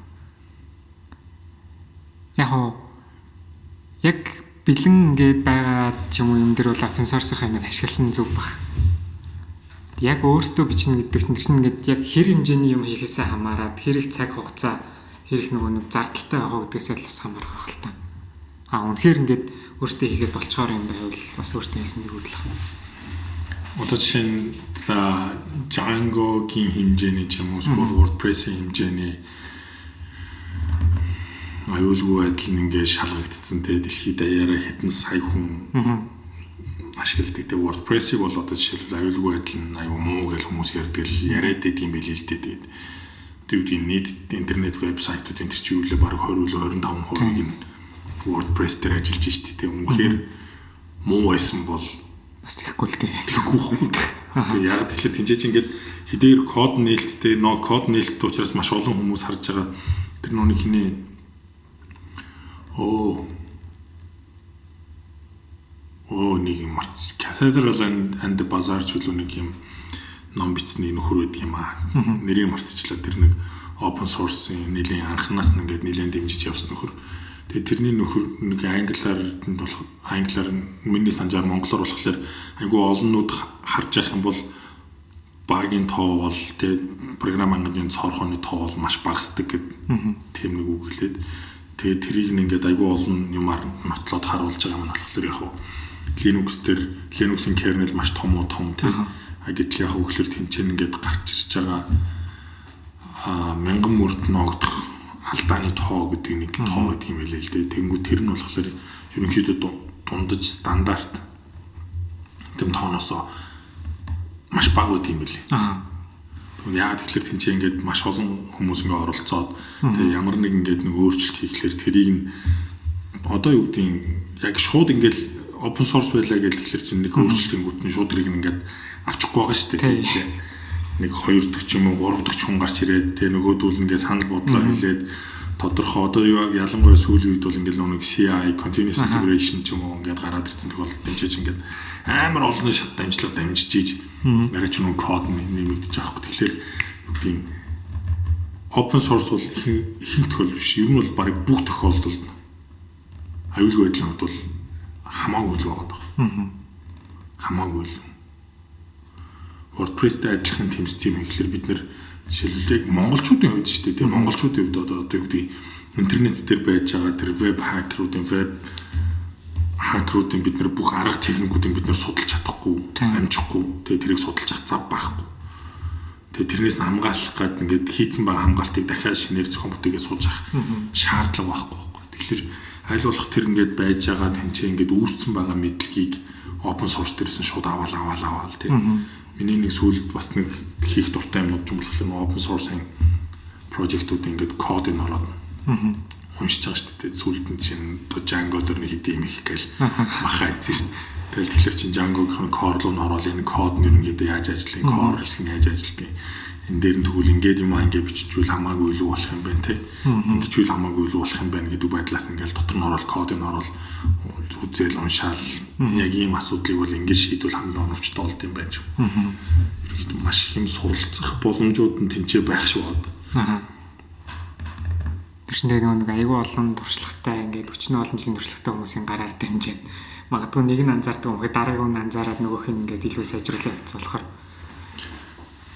Тийм ерөөдөө тэгээд open source биш юм одоо баг байхгүй боллоо. Одоо нэрээ Apple хэдэн бүтээгдэхүүн. Apple хэдэн бүтээгдэхүүн ч гэсэн дотор нөл open source байгаа шүү дээ. Яг ашиглаж байгаа юмнууд нь бол ихэнх нь open source юм ашиглаж байгаа. Тийм macOS чинь kernel нь open source байгаа тийм. Тэгээд дотор нь байгаа маш олон юмнууд нь open source, Apple open source гэдээ хаях юм бол өөрсдийнх нь бүр open source ашигладаг хинэн юмнуудыг бид нэг ингэж ашигладаг, ашигладаг энэ төр гэдэг нэлээд том юм байж байгаа. Тэгээ сүүлийн үед бол одоо юу гэдгийг Apple өөрсдийнх нь open source төслүүд бол айгүй олон болцсон. Microsoft-ийн open source төслүүд нь маш олон болчихлоо шүү дээ. Тэгээд open source дээр нэг юу гэдгийг одоо юу гэдгийг одоо нөө дэлхийд даяар ингээд open source чинь бүр ингээд юу болчихлоо шүү дээ. Хаасаагүй. Заавал байдаг стандарт юм болчихж байгаа юм.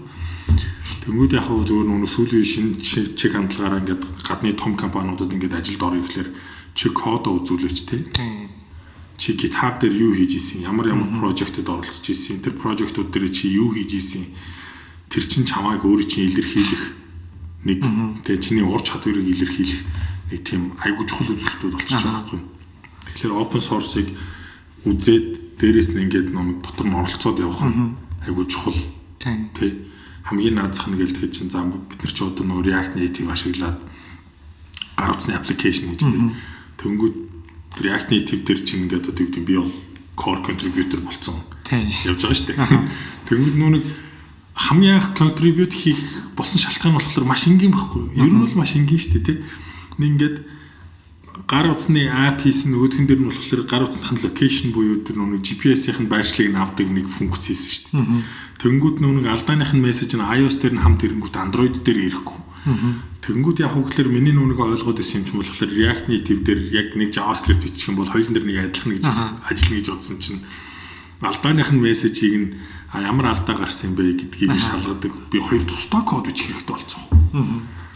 Тэнгүүд нь энийг нь ер нь яг React Native дээр нь хий засчих болдгоо болов гэж бодоод засч үзсэн байхгүй. Тэгэл мэдээж яг ихний үед бол маш хэцүү байсан. Тэгэл засаал үзсэн чинь бок болцоох. Тэгэл нөхдүүд нь аваад өнөө ингээд open source төсөл төр оролцож байгаа тийм ингээд шинэ юм ингээд хийсэн чинь баярлалаа гэл тэгэнгүүт нь React Native-ийн дараагийн хөлбөр гараад ирэнгүүт миний нүг өөр дөрөө байсан ингээд нөө алдаагийн шалгадаг маш олон код байсан чинь энэ ганцхан гişрэг код болж байгаа хгүй тийм ямар ч хэрэггүй халаа тэгэлж тийм тэгэл дараа нь бас нүг дараагийн нэг юм нь юу байгаа вэ гэхээр ингээд нэг юм байсан. Зураг дуудаж харуулдаг тийм зураг дуудаж харуулахдаа тэнцээ нэг юм дефолт зураг гэдэг нэг юм боломж нь зөвхөн iOS дээр байдаг. Android дээр байдаг байсан баг. Тэнгүү зураг дуудангууд чинь ингээд iOS дээр нь болохоор ингээд нэг юм дефолт зургийг өгж байгаа бол нөгөөх нь ингээл нөгөө түрүүн progressive apps дээр гардаг шиг дефолт зураг нь гарч ирсэн пад гэдэг нөгөөх нь гарч ирдэг бол Android дээр болохоор ингээ хав аранхуй байжсан пад гэж гарч ирсэн. Тэгэл энийг нь ингээд яаж хийдэг юм бол гээд тэгэл тэр бол нэлээд их ажил болсон л доо. Тэгэл хийгээл нөгөөдхийг нь ингээд React Native руу өгчөж байгаа. Тэгээ тэнгууд нөө би ч гэсэн өөрөө асуудлаа байгаа. Дараагийн хөлбөр гарангууд миний асуудал байхгүй болчихж байгаа байхгүй. Тийм. А дэлхийд даяар React Native-ийг ашиглаж байгаа хэдэн мянган хүмүүстэй бас асуудал ингээ байхгүй болчихж байгаа тийм. Тэгэхээр нүг open source-ыг болохоор зөвхөн дангаанц ингээд юу гэдгийг авч ашиглаад ахаасаа гадна хэрвээ тэрийг нүг ашиглахтай холбоотойгоор асуудлууд ч юм уу эсвэл алдаа байх юм бол тэрийг нь засч чаддаг бол засаад. Тэг засч чадахгүй бол маш сайн юу хийх ёстой. Аа investigate хийх гэж одоо тэг баг репорт хөндлөлт ингээд яаж учирсан? Яагаад яагаад яахлаар ийм алдаа гараад байгаа юм бэ гэдгээ бүр сайн илрүүлээд тэр нөгөө нэг хөгжүүлэгч рүү мэдэгдчихмээр юм шиг байгаа байхгүй тий Тэгэл тэнгууд нөгөөд бол мө үзэнгүүт аа за за энэ нэр ийм байна гэлтэй зарим нэг юм дээр бол одоо жишээ нь сүүл мө PPN ашиглаж яхад. PPN ашиглаад PPN гэдэг юмар ингээд ашиглаад Python код тий virtual environment үүсгээл ашиглаа авч ирсэн чинь нэг амар тэнийг алдаа гарсан шүү дээ тий Тэгээ нөгөөдх нь ингээд яг үндэ ингээд засах гад тэгэхээр мэдхгүй байхгүй мэдхгүй тэгээ тэгэнгүүт яг үгээр нилээн ингээд сууж сууж байгаа л за яг ийм ийм ийм тохиолдолд энэ алдаан гараад байна шүү гээл мэддэнгүүт нь цагийн дараа гэл үүдэн засагдчихж байгаа байхгүй тий ягаад тэгэхээр нөгөө хүн маань цаана хөгжүүлэгч маань яг үгээр миний өгсөн зааврын дагуу нөгөө алдаан яг үнэхээр байна уу гэдгийг маш амархан шалгаад тэнгуүт нөгөөд чинь кодо мэдчих учраас асуудлыг маш амархан шийдэж байгаа. Тэгэл маргааш шинэ тэр чинь хэдэн цагийн дараа үлээ шинэ шинэ хөлбөр нь гараад нөгөөдхийг суулгаад тий миний нөө асуудал байхгүй болж байгаа байхгүй. Тэгэхээр open source чинь бас нөө нэг хамгийн гол юм нь нэг урсгалтай биш тий. Хоёр хоёр тийш урсгалтай байвал яг үгээр бүгдэнд нь хэрэгтэй. Бүгдэнд нь хэрэгтэй. Юм шиг даа. React Native дээр чинь нилээ их юмнууд хийгээл ингээл үзэж байна. Маш их юмнууд сурж байгаа. Тэ. Яа тэгэхээр тэнцээ чинь гівдгийн open source project-ууд дээр оролцохлоор нэг гоё юм яг хөглөр тэнцээ чамаас биднээс илүү туршлагатай улсууд нь бас байж идэг байж идэг тий. Ямар нэгэн асуудал гараад эсвэл ямар нэгэн шинэ юм хэрэгтэй болоо тэрийг ингээд код бичээд хийчихэнгүүт арай илүү туршлагатай нөхөр нь харж байгаа. Аа за наадахаа ингэчүүл илүү сайн болох юм шүү. Ингэчүүл яасан бэ? Тэгчүүл яасан бэ гэд бидний хараагүй үнсхийг харж өгдөг тий хэлж өгдөг. Жишээ нь React Native дээр нэг юм нэг юм нөхөр байгаа зураг мурагч бас над шиг нөхөр байна шүү дээ. Би бол GitHub дээр зураг тавих байхгүй. Тэгээ нэг зураг мурагч хөө зав. Тэгээд нэг юм юу орохлоор нэг репото ч үлээ нэг тийм тийм нэг нөхөр өгдөг. Тэгэл React Native дээр ингээл pull request үүсгээл нэг жоох өөрчлөлтөнгүүд нөхөр таваар шорж ирэл өнгөчүүл зүгээр юм, тэгчүүл зүгээр юм байна гэдэг бичээдэг. Тэ профайл руу нөрө харахаар хаана хийхин хин ямар хүн байд ямар ч мэдээлэл байхгүй заа. Гэхдээ тэнцээ хийж байгаа өөрчлөлтийг одоо жишээлбэл юу гэдэг юм ингээд хараад харж идэг тийм тэнцээ үүсэж байгаа юмнуудыг харж идэг. Тэгээ тэнцээ нь миний хийсэн нэлээд олон өөрчлөлтөн дэргүй уг нь ингэчүү зүгээр юм шүү. Энэ талаас нь чи харсан юм уу те? Аа. Над өөрчлөлт чинь чам дээр ажиллаж байгаа боловч өөр нэг юм хүн дээр бас ажиллахгүй байх юм биш үсттэй гэх мэтлэнгээр ингээд санал онолууд хэлээд тэгээ тэрэн дээр нь суурлалаа би чинь ахаал нэг кодо янзлал те. Тэгэл одоо энэ нэг юу юу гэж бод чинь энэ чиний нэг юмд чинь санаанд чинь нийцж гин үү те. Гэх мэтлэнгээр ингээд ярилцаад явсан. Тэгэл чинь өмнөдөр өчигдөрхөн билүү бич би ахаал pull request үүсэхдээ нөгөөдхөө ахаал меншн дээр те бүр чи энэ нэг санаагаа хэлээд гэж юм уу. Тэгмүүд яг хавглаар ингээл өөр ингээд open source бол ингээд олон улсад байгаа хүмүүстэй девелоперуудтай танилцах тий. Хамтарч ажиллах амар гоё боломж байгаа даа байхгүй. React Native. React Native бол надад үнэхээр таалагдчих гэсэн. Одоо яг нэг зав гарвал нэг Django-гийн core дээр даад нэг жижиг юм нэмж үзмээр санагдаад л. Гэхдээ жоохон хэцүү. Хэцүү хэцүү. Гэхдээ хэцүү гэдэг нь ямар утгаараа вэ гэхээр open source төсөл маань тэр миний оруулж байгаа өөрчлөлт нь зөвхөн над дээр биш бүх хүмүүс дээр бас ажиллах хэрэгтэй байхгүй. Тийм. Тэ? Аха. Тэгэхээр тэрийг ингээ нөгөө бүх хүмүүс дээр ажиллахаар маш ерөнхийгөөр хийх тий. Дээрээс нь тэр нэг код нь одоо Django дээр ч гэсэн яг адилхан React Native дээр ч гэсэн адилхан өөрчлөлт хийхлээр тэр хэрвээ код нэмж байгаа бол тест байх хэвээр. Тийм. Тий. А SQL код өөрчилж байгаа бол тест дэвтлэхгүй байх хэвээр. Аха. Тий. Гэмчлэнгээр хэрвээ тест нь алдаатай байгаад чиний код зүг ажиллаж байхад буруу байгаад байвал тест тест нь бас засах хэвээр. Тэр нь болохоор ингээд continuous integration системээр ингээд бүтэн ороод Шалгагдаад. шалгагдаад тэгснийхээ дараа л зөвхөн одоо юу гэдэг юм чиний код чинь open source дээр авагдаж шүү дээ. Одоо бол чинь CI-г open source төсөл гэж бол баг байхгүй байх шүү. Circle CI, Travis CI баг бүх төслүүд ашиглаж байгаа open source-ууд. Тэг GitHub ч өөрөө цаанаасаа Travis аяга өнгө өгчөж байгаа ялангуяа open source төсөл төр бол тийм. Open source төслөөр болохоор чинь Travis CI гэсэн Circle CI гэсэн Хоёулаа хоёулаа аюу өнгө. тийм. Тэгэхээр ингээд гэтээ бас нэг хязгаартай л да жоох ядаргаатай би нэг React Native дээр чи хамгийн анх юу яаж явах үедээ contribute хийгээд туршиж явах үедээ өөрхөн үнгүү цагийг дуусгасан шүү дээ. Тэгээд нүг хамгийн гол нь ял нэг жоох өөрчлөлт хийгээл тэгэнгүүт нөгөөдг нь ингээл ажиллаад Бүр ихнээсээ ингээд ажиллаад юм. Бүр ихнээсээ ингээд ажилтдаг. Бүх юма тестлдэг. Тэгэл дунд нь алдаа гарч юм уу дахиад өөрчлөн тэ дөнгөө дахиад бүх юм бүгдхэн байхаал цоо шинээр ихлээл. Тэгэл яг тэр нэг одоо юу гэдэг нь open source төслүүдийн хувьд одоо бол нэг бас нэг явж байгаа нэг юм чинь бол тэр нэг CI-ийн өнгөө цагийг яаж гамтаа хэрэглэх үү те. Тэр ингээд нэг юу гэдэг нь бас нөгөө талаас нь анхаарах хэрэгтэй юм болохоор хүн ингээд нэг жижигхэн ганцхан мөр код өөрчлөлөө ч гэсэн тэр нь тест давах нь угаасаа ойлгомжтой байсан ч гэсэн те? Нөгөөд нь ингээд дахиад 10 минут 20 минут ажиллаад байхгүй нэг аль болох богинохон хугацаанд яаж илүү хариултыг нөгөө тэр алдаатай байгаа эсвэл алдаагүй байгаа гэдгийг нь хурдан мэдэгдэх вэ гэдэг чинь бас open source төслүүдийн хувьд бол нэлээд чухал юм болчихж байгаа шүү дээ.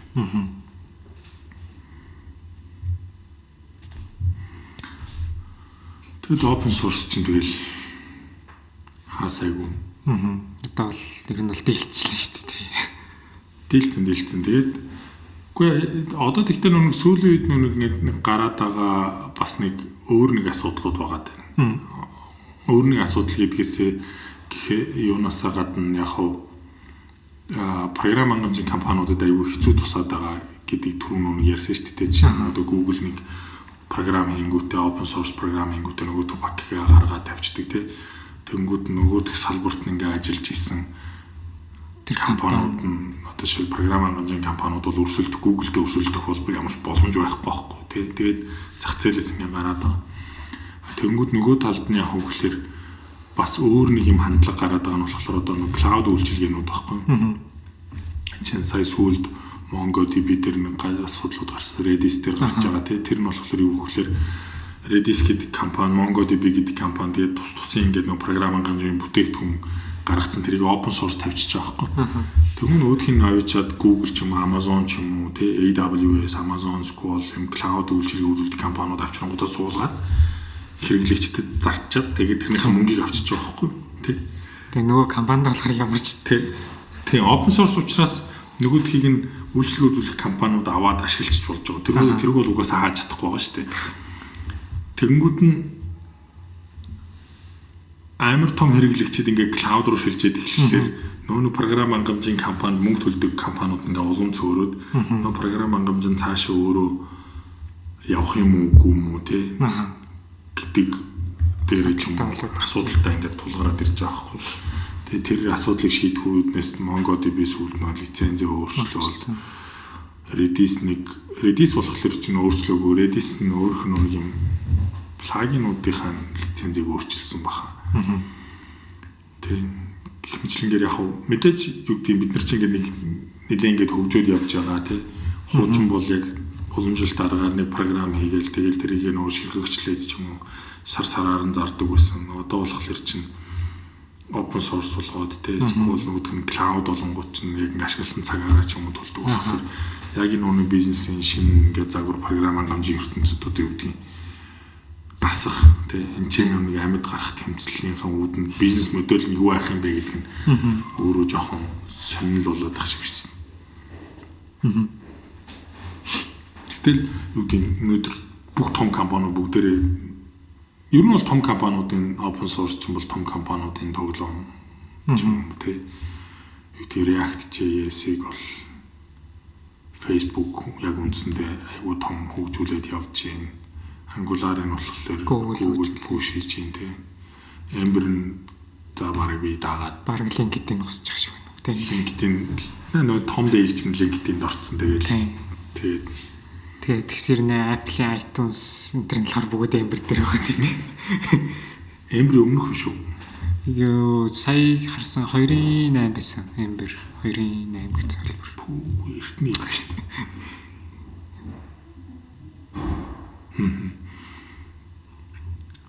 Тэгээд одоо юу гэдгийг яг би даасан ч юм уу яг юм жижигхэн open source төслүүд яг ингээл олон цөөрөөдлөх шиг байна л та харахаар.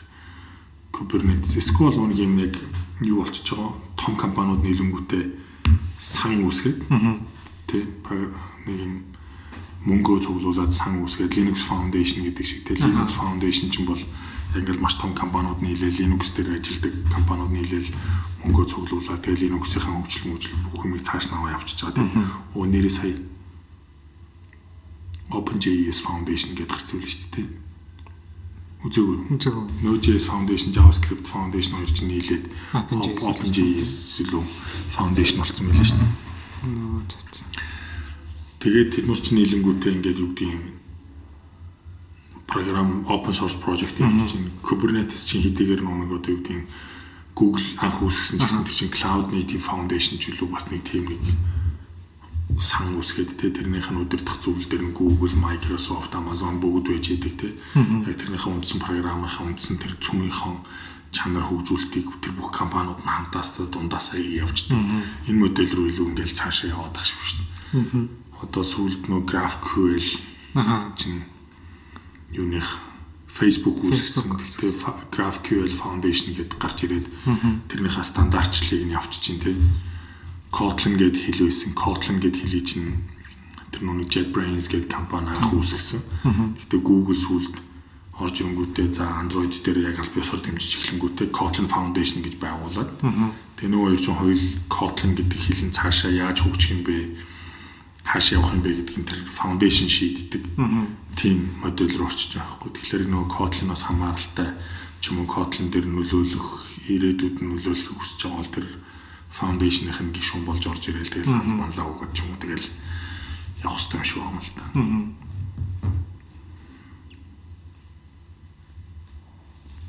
Open source-ын талаар болохоор ч тэгэл иймэрхүү. Миний бодлоор бол бид нар бол аль болох open source-ыг ингээл тултал. Тултал ашиглах хэрэгтэй. Одоо чин open source чинь зүгээр заавал тийм том төсөлд оролцоод очих шаардлагагүй болчиход шүү дээ. Зүгээр нэг npm дээр нэг package шинээр бичдэг ч юм уу нэг байгаа пакэжийн хүртэл алдагдсан open source оролцож боломжтой болчихж шүү дээ. Тийм, өөртөө зориулаад юу гэдгийг хамгийн энгийн юм болохоор ч тийм ба штэ өөртөө өөрийнхөө нэг асуудлыг ингээ шийдээд биччихэнгүүтээ тэр нь бас чиний өөрч асуулт шийдэгдсэн үү шийдэгдсэн. Гэхдээ тийм асуудалтай өөр хүн байж магадгүй гэж бодоод кодо зүгээр GitHub дээр ч юм уу болж байгаа шүү дээ. Чин бид нар чинь Ember дээр юм хийж явахдаа Ember-ийн хідэн тэр чи юу лээ плагин плагин тий модуль плагин үлөө хийгээл тавьсан. Нөгөөх нь ингээл воо бас тэр чинь хэдэн 100 ч үлээ хэдэн мянга татагдаад бас лугаа кайфтай юм билэ тэгэл анхны баг репорт орж ирж байж тэр чинь тий Тэгтээ яг яг зүгээр ингээд яг үнэхээр гадаадад гарыг олон улсад гарыг тий гэл явж байгаа бол GitHub дээр Ер нь бол одоо GitHub чинь аюу супер байгаа юм чинь GitHub дээр аюу итгэвтэй оролцоо open source төслүүд дээр оролцоод тэг баг репортууд үүсгээл тодорхой нэг юмнуудыг нь дааж аваад хийгээл явах хэрэгтэй. Ягаад тэгэхээр юу гэдгийг хүн бол хэцэж илүүддэг юм билий. Бүх юм дээр. React Native жишээлбэл яг ингээл яг бүгдээр ингээл өнөөдөр ингээл харах юм бол Facebook гэдэг маш том компани хөгжүүлж байгаа юм тий. Scroll Flutter гэдэг нөгөө талд нь байж байна Google гээд маш том компани хөгжүүлж байна. Тэгтэл тэнцээ ажиллаж байгаа хүмүүс олж хараагүй. Скол а мэдрээгүй тий.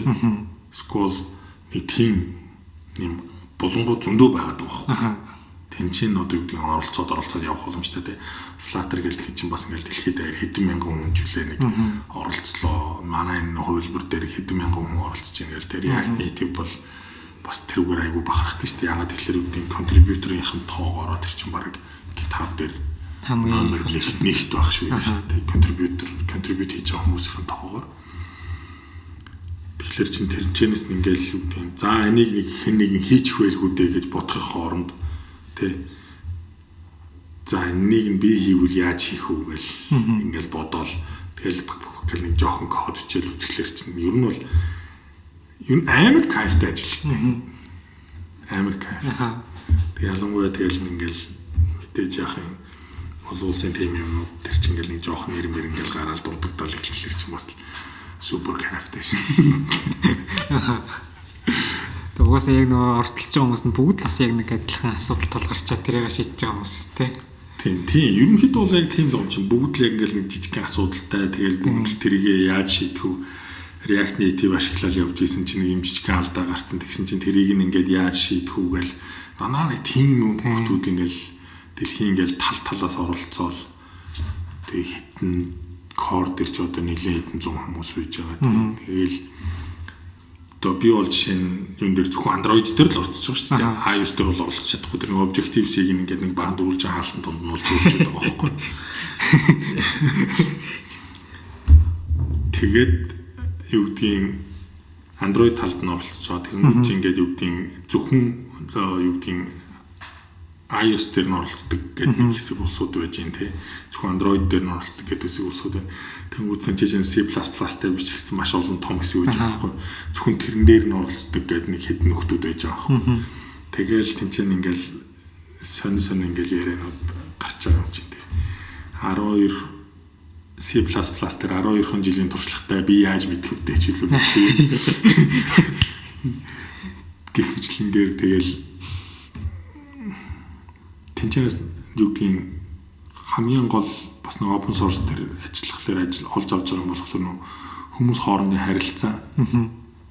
Тэ яаж тэр нөө гадны улсуудтай харилцах юм тэ яаж юм бүдүүлэг биш байх юм. Тэгэл ядчил одоо юу гэдгийг тэн дээр чинь нэг Монгол Watch орж ирээ бүдүүлэхтэй дээлээ. Дөлөө гэхгүй нэг Монгол Watch гэж ярьж дээ. Одоохон тоол тийм нэг ягаа тэр тэр тэр мөрийг яаж ивтэйхэн шиг авч гарах уу яах вэ гэж бодох юмуд байгаа. Тэгэл ингээл жишээ гоё л доо open source төслүүд төр өмнө нь болохоор GNOME дээр нэлээд оролцдог байсан.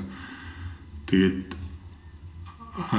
хит хитэн хуралд нь хурж ирээч гэл нөгөө миний бүх бүх зарлыг даагаал Тэгэл явж очичлээсэн аахгүй. Тэгэл тэнцэн очил Монголоос хурж ирж юм гээл тэгэхээр чинь гайхаал тий. Тэгэл ингээл нэг юм жоохон жоохон код модон дэр нэг алдаа малдаа ололцож масхлаар чинь өө шинэ монголчууд ийм хийж чадд юм уу? Ер нь танах чинь компьютертэй юм уу, интернеттэй юм уу гэж асууж исэн.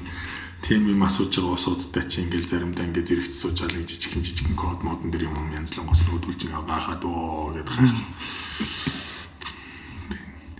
Хамгийн супер түүх нь болохоор чинь юу гэдэг штэ. Гноми нэг хуралд Испани далайн хэргийн нэг Виланова эла гэлтрүүч илүү нэг тийм нэг газар очиод суугаад тэгээд энэчнээс аав ээж энэ төр нэг анх удаа нэг тийм амар том хуралцуу явж байгаа юм. Монголоо Монгол гэдгийг харуул гэл над дээл Монгол готлог явуулчихдаг.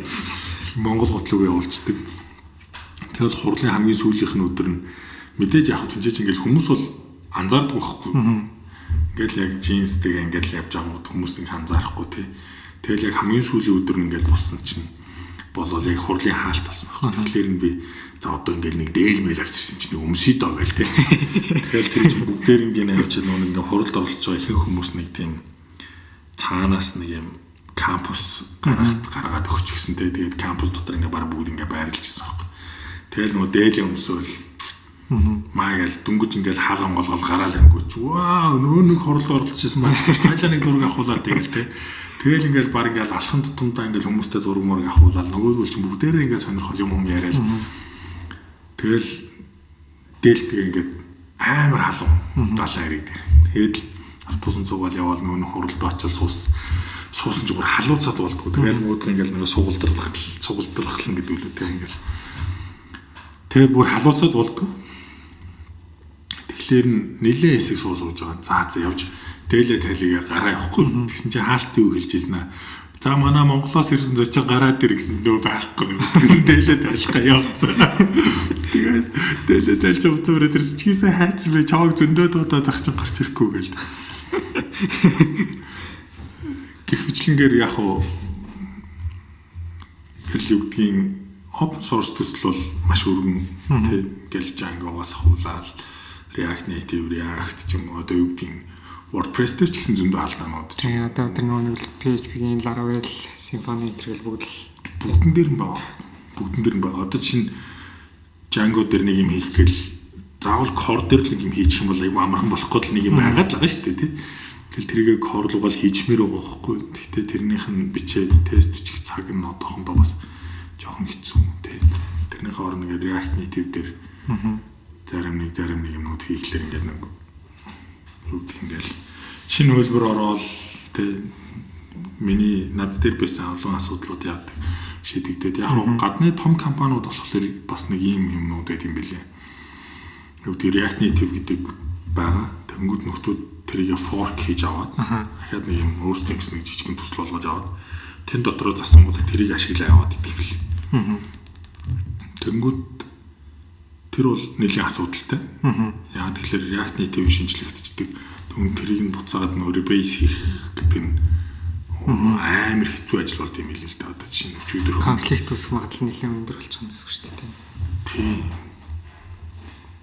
Тэгсэн чинь React Native-ийн сая 0.58 дээр нэг юм яадаг юм нэг юм алдаа гарцсан гэдэг өчигдөрхөн гэдэг нэг хооронд нэг ярилцчихсан. Amazon дээр ийм асуудал гарч ийн гэсэн чинь Amazon манайх 0.53 ч илүү 0.55 ашигла 55 ашигладаг ч өгдөг чи аль дивдийн жил 2 жилийн өмнөх хөрөг ашиглаж байгаа хөөхгүй те. Ягаад тэгэхээр тэднээс ингээд маш их юм хөгжүүлээд ингээд ингээд яатсан. Тэгэнгүүт ингээд юу гэдгийг шинэ React Native авчирмууд нөгөөдөндөө зөрчилдөг гэдэг болохоор бас болохгүй болцсон те. Бас нөгөө юу гэдгийг нөгөө талаас нь ингээд харахаар React Native-ийн хүрээнд л ярихлаар чи Expo гэж бас нэг React Native-ийг авангуудаа хийж байгаа өөрчлөлтсөн нэг юмнууд байгаа даа. Expo project те. Гэхдээ тэр нь болохоор маш олон юм аягүй хэлбэрчилж байгаа юм шиг байгаа юм л да. Би сайн мэдгүй ашигладаг болохоор. А тэгвэл ингээд React Native-с ингээд ямар ч хэсэн баг нэг үлээ хоёр хөлбөрөөр хоцорч явдаг байхгүй. Тийм. React Native шинэ хөлбөр гарлаа. Тэгээд нэлээд хэдэн сарын дараа нөгөөд React Native-ийн хөлбөрийг нь баг гэж аваад тэрэн дээр ингээд сайжруулсан юмудаа гаргаж ингээд. Яагаад тэгэхээр одоо жишээ нь сүүлд ингээ харж байхад чинь React Native дээр алдаан байгаад байдаг. Тэгээд экспортер засцсан байгаа байхгүй. Тэгмээс л яагаад тэрийг React Native рүү өгөхгүй юм бэ гэдгийг би ингээ гайхаад. Тэнгүүд нөгөөх юм харж байгаа кодын баг хуулж тавиал нэг pull request үсгээлч юм уу тий. Тэгэл нөгөө бүгд л одоо юу гэдэг ингээд сүүлийн хэдэн жил сүүлийн нэлээд олон жил чинь ингээл технологийн хувьд ингээл за open source байх юм уу хаалттай байх юм уу ч юм уу нэлээд олон технологийн өрсөлдөөнүүд гарч ирж ирсэн. Гэхдээ өрсөлдөөнүүд одоо ингээд нэлийн олон хэсэг ингээд байхгүй болчихлоо шүү дээ. Жишээлбэл гит байх юм уу, өөр юм байх юм уу гэжсэн бол одоо гит бол ерөнхийдөө нийтийн хэрэглээнийх болчихлоо тий. Гэх мэтлэнгээр одоо React бол жишээлбэл бас веб хийдэг нийтийн хэрэглээнийх болчихлоо. Angular-ыг бол одоо 1.0 багт нь үлээ нэг нэгээс өмнө багт нь л нэг ашиглаж үзэж байгаа л 100 чадахгүй юм байна гэж болсон л. Тэгээ нөгөө бас open source чинь заавал нөгөө нэг код бас бичгүүгээр оролцож болно те. Нөгөө нэг localization-уудын юмд амар их оролцож байгаа боломж бас байгаа. Тийм, одоо чинь юу гэдэг open source ярихлаар чинь заавал нэг програм ангууд биш болчиход байгаа байхгүй тий. Тэр дунд нь юу гэдэг ингээд нэг баахан хүмүүс байхлаар чинь ингээд холбогч хийдэг хүмүүс гэл байж ин тий чинь одоо React Native дээр гээд харах юм бол тэнцэн ингээд change log бичдэг нэг хүн байж байгаа байхгүй зөвхөн change log change log бичдэг тий. Тэнгүүч ингээд нүн ингээд тэр чинь айгүй хэцүү ажил юм байна бас. Одоо юу амар олон хүний commit шүүх хэрэгтэй болчихсон юм шүү дээ нэг хөлбөрөөс нөгөө хөлбөрийн хооронд чи хэдэн зуун commit ингээд ороод байгаа байхгүй Тэнгүүч нь тэрийг чи ингээд ангилж байгаа шүү дээ Android дээр орсон өөрчлөлтүүд iOS дээр орсон өөрчлөлтүүд эсвэл ерөнхийдөө аль алин дээр нь ажиллах өөрчлөлтүүд ч юм уу те эсвэл JavaScript-ийн төвшөнд орсон өөрчлөлтүүд гэдэг тэр чинь ингээд бүгднийг ингээд хураангуулад хийдэг нэг нөхөр байгаа байхгүй те тэнгууд ингээд documentation гэдэг янзалдаг нэг нөхөр байгаа байхгүй. Тий. Тэг ингээл зүгээр ингээл documentation дээр ингээл ганц нэг үг хүсэл янзлал зураг мургийг ингээл өөрчлөл явж идэг тий. Тэнгүүд нэг орчуулга хийдэг нэг нөхөр ч юм уу. Тэнгүүд чи ингээд тэнцээ ингээд open source гэхэлэр чинь заавал яг програм ангамж талаас яг чиний хэлдэг өнцөг чинь зүг байхгүй. Програм ангамж талаас ч юм уу оролцохоос гадна өөр маш олон боломжууд байгаа шүү дээ. Чинь хүн ингээд миний ап ингээд болохгүй байна гэд иш үүсгэнгүүт нь нөгөөдгийг нь үзэж хагаад өөрийнхөө мэдлэгийнхаа хүрээнд ч юм өөрийнхөө чадрынхаа хүрээнд хариу өгөөд нөгөө хүнд тусалчих юм бол бас баярлал явчихдаг хүмүүс ч тийм. Тэнгүүд яг хөглөр хүмүүс ингээд чиний оролцооч нь айгүй нэмэгдээд байгаад байдаг тийм. Нэг үг үсгийн алдаа ч гэсэн засахад тэр чинь айгүй том хувь нэг байхгүй. Харин би ч бас нөгөө нэг Django-гийн localization юмд оролцож байсан. Тэгээд сүүлийн 2-ын 2-ын 2 дахь хөл 2-ын 0 хэлбэр гарснаас хойш ерөөс оролцоогүй. Хамгийн сүүлд 1.10-ын орчуулгуудад оролцсон. Тэгээд Linux-ийн нөгөө Mate гэдэг нэг шинэ десктоп environment байдаг шүү дээ. Тэдний хууч хуучин гном шүү дээ. Хуучин гном классик гэсэн. Тэрний бас Монголынх нь яг нэг орчуулгын яг юугаар бас орч юм орчуулж ирсэн. Тэгээ нэг орчуулгын өрөөсөө шууд яг өссөн үнээр хурж ирээд оролцоод тийм нэг орчуул явчих боломжтой тийм платформ дээр явдаг. Transifix дээр явдаг. Тэгээд бас тэгээд энэ нэлээд бас юм орчуулж ирсэн. Одоо тэгээ нэг орчуулгаар чинь айгүй бас амарлаг юм л та. Жишээ ингээл би ингээд нөгөө нэг хэрэглэгчд ч юм уу админ харагдах хэсгээ ингээд энэ хэсгийг монголоор харуулмаар гэдэг тэгтэл тэгэхэд чин зүгээр settings дээр хэлний солиологч нөхөн төр чигтээ ингээл бүх юм солигдол монголчдах ч юм уу тий. Тэгээ одоо WordPress гэсэн дээр яг л тийм л байгаа шүү дээ. Тэгэхээр бас яг заавал нөгөө нэг кодны төвшөнд оролцохгүй маа гэхэд тийм төвшөнд бас оролцох боломж байгаа шүү тий. Тийм тэр бол өстой өстой үнэн шүү. Заавал код биш. Нэрээ тэнцэж нэг хүнд нь зөв асуудал дээр нь нэг асуудал гарахлаа тэрэнд нь хариулаад өгсөн чинь тэр чинь хувь нэмэр байхгүй тийм. Аа React Native React Native гэдэг React Native хөгжүүлэгчдийн групп гэдэг хөгжүүлэгчд гээд Facebook дээр групп байгаа тийм. Энд ч орж ирээд React Native-ийн тухай асууж болно. Тэгээд зарим нь бол угаасаа огт мэдхгүй юмуд асуудаг байгаа болохоор би ингэж явахад хариулж чадахгүй шүү дээ тийм. Ямар доор нь юм асуух болгонд доор нь мэдхгүй ч юм хариулаа байж л тань биш. Гэтэ React React Native Ер нь мобайл технологийн тухай дараа нь тэгж нэг тухтай ярмаар юм байна да. Мобайл хөгжүүлэлтийн тухай iOS, Android, Scroll Mobile Web. React Native, Flutter өөр юу байгаа зөндөө юм байл шүү дээ. Phone Gap тэр гэнэ байдаг шүү дээ. Аа, Phone Gap байгаа. Native Script гэдэг байсан. Бүгд open source. Тийм бүгд open source.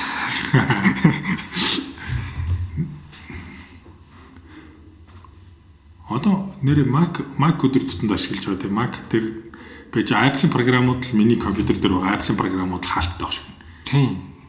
Тэрнээс биш. Бусд нь бол тэгэл бүгд л VS Code open source. VS Code open source. Тэгээд ч одоо Chrome ашиглаж байна. Chrome ашиглаж байна. Firefox ч ашиглахгүй байна.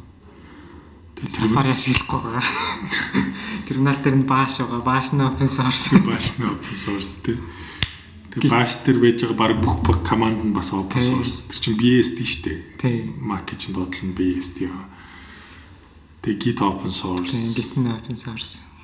TypeScript нь open source, Python нь open source, React нь open source, React Native нь open source, Django нь open source. Өөр юу вэ?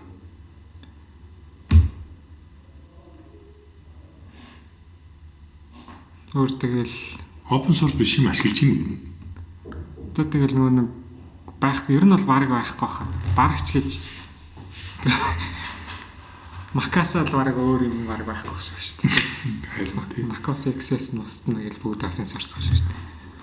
Үлний системээс устна гэдэг шүү дээ. Хм.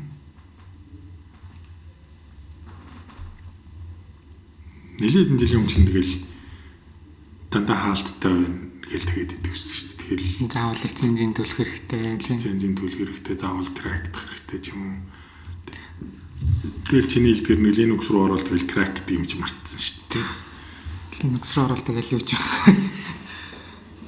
яг open source-уудын чанар бол нэлийн 10 жилийн өмнө айгүй муу байсан. Зарим юм дээрээ жоохон тааруу байсан. Гэтэ юу гэдгийг яалтчгүй ингээд тухайн үед чинь бол юу гэдгийг айгүй цөөхөн зарим хүмүүс бол яг ингээд бие даагаал хөгжүүлдэг байсан те. Тэгээ сүүлийн үед бол дандаа том компаниуд орж ирж байгаа. Тэгээд сая хэдэн жилийн өмнө болохоор нөгөө OpenSSL дээр гарсан Heartblade гэдэг нэг алдаанаас болоод бүгд цочордсон те. Яагаад тэгэхээр OpenSSL гэдэг нэг юм library байна те. Тэр бол ингээд мэдээллийн аюулгүй байдал ч юм уу ингээд мэдээл дамжиж яхад аюулгүй байдлыг хангах хэвээр тийм програм ангам сан байдаг. Тэгсэн чинь тэрийг хөгжүүлдэг нэг үлээ хоёр хүн байгаа байхгүй тий. Тэгээд бүтэн цагаар биш тий. Гэрээсээ дандаа. Тийм гэрээсээ ажлынхаа хажуугаар хийдэг ч билүү. Төрөнгүүтээ нөгөөт нь ингээд гэх алдаа гарч байгаа алдааг нэг хүмүүс мэдэгдээд идэг тий. Эсвэл засварыг хүмүүс хийгээд идэг. Дөнгөж нүг засваруудыг нь хянааж шалгаад нийлүүлэх эсвэл алдааных нь мэдээллийг аваад тий хүмүүс алдааг мэддэг тэрийг нь аваад засах амжихгүйсэн байгаа байхгүй. Тэгэл тэгсэн чинь нөгөөх нь дэр ингээ hard plate гэдэг алдаа гарсан чинь бүгд ингээ харсан чинь яасан гэсэн чинь open source бүр хаасааг ашиглаж идэг гítл яг хөглөр ингээд нүг нэг нэг юм уу хоёрхан яг нэг юм чөлөө цагаараа хийдэг хөгжүүлэгчээс хамааралтай маш олон тийм төслүүд байсан боо жишээ нь OpenSSL байсан.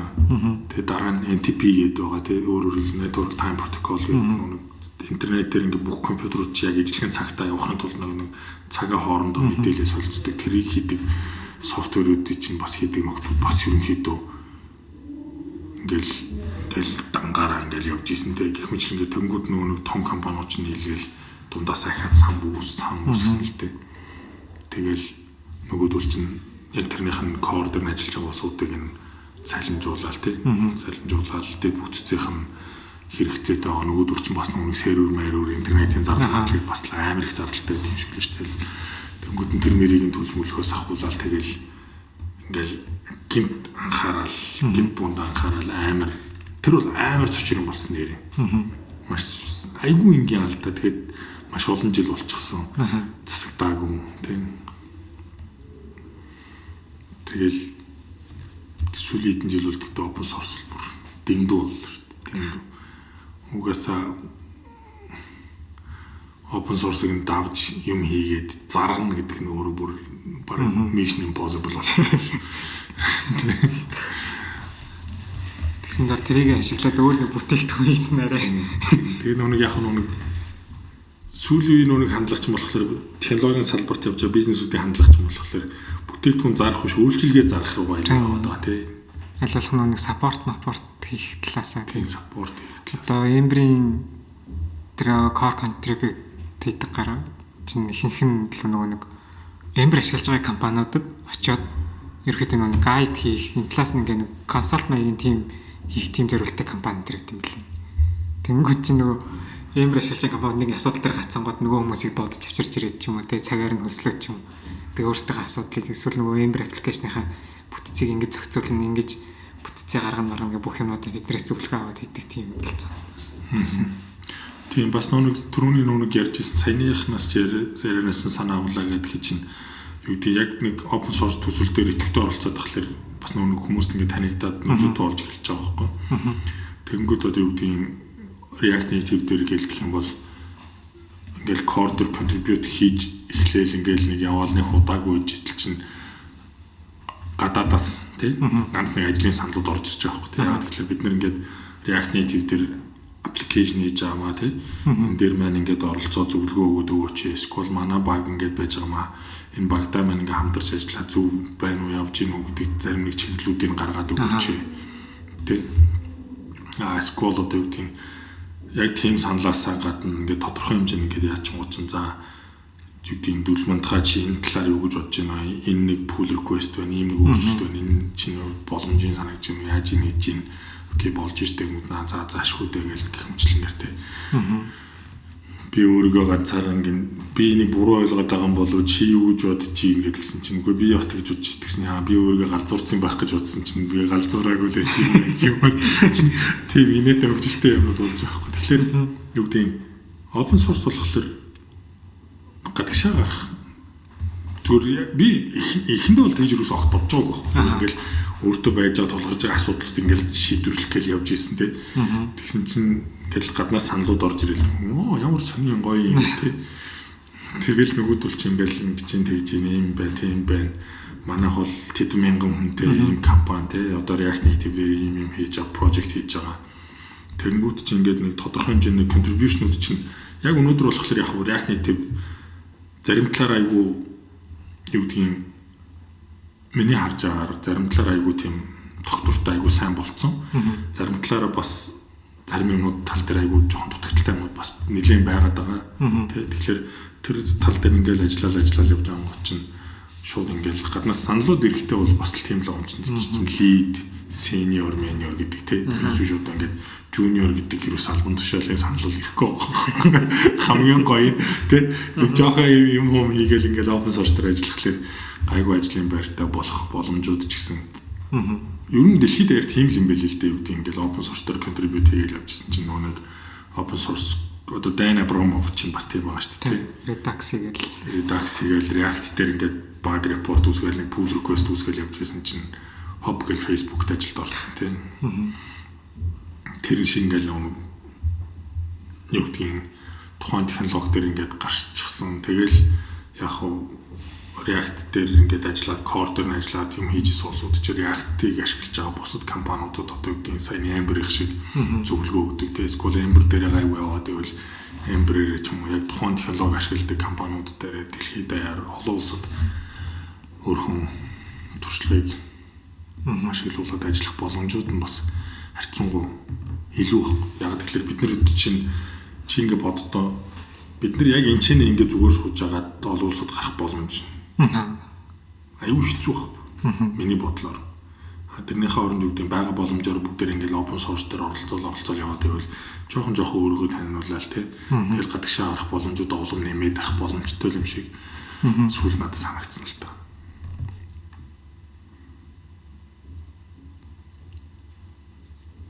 ухаасаа өгөх нь илүү гэдэг юу төлөө нэг юм өгöd шүү дээ. Тийм.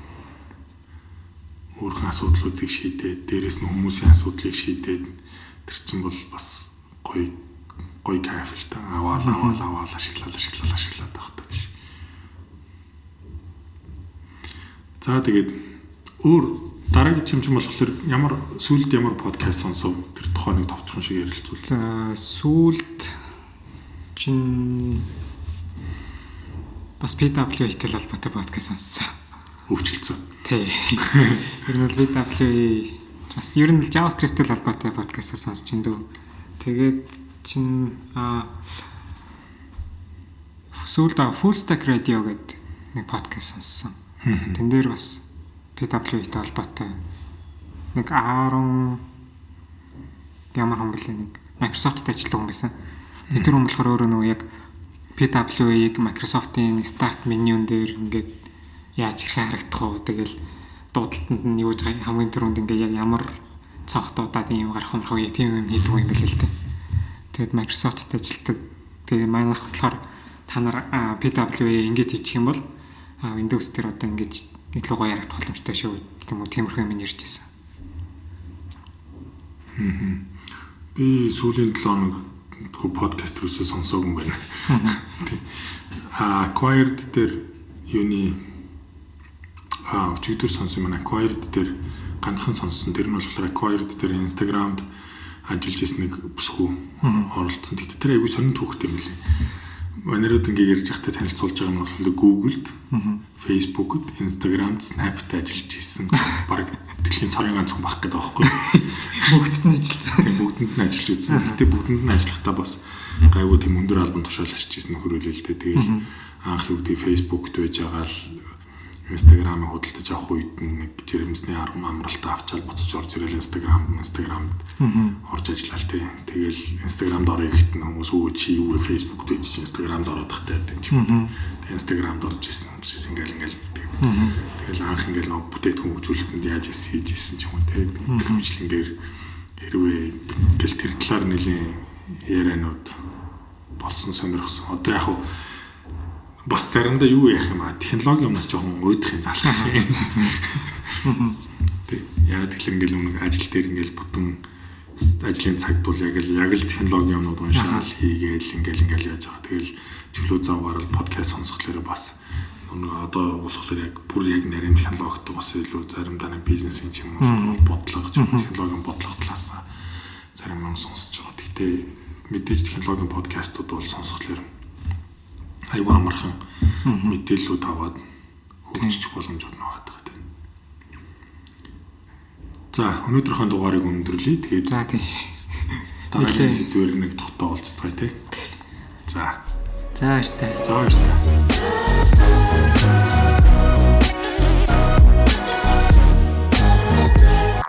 Walking down the bar, just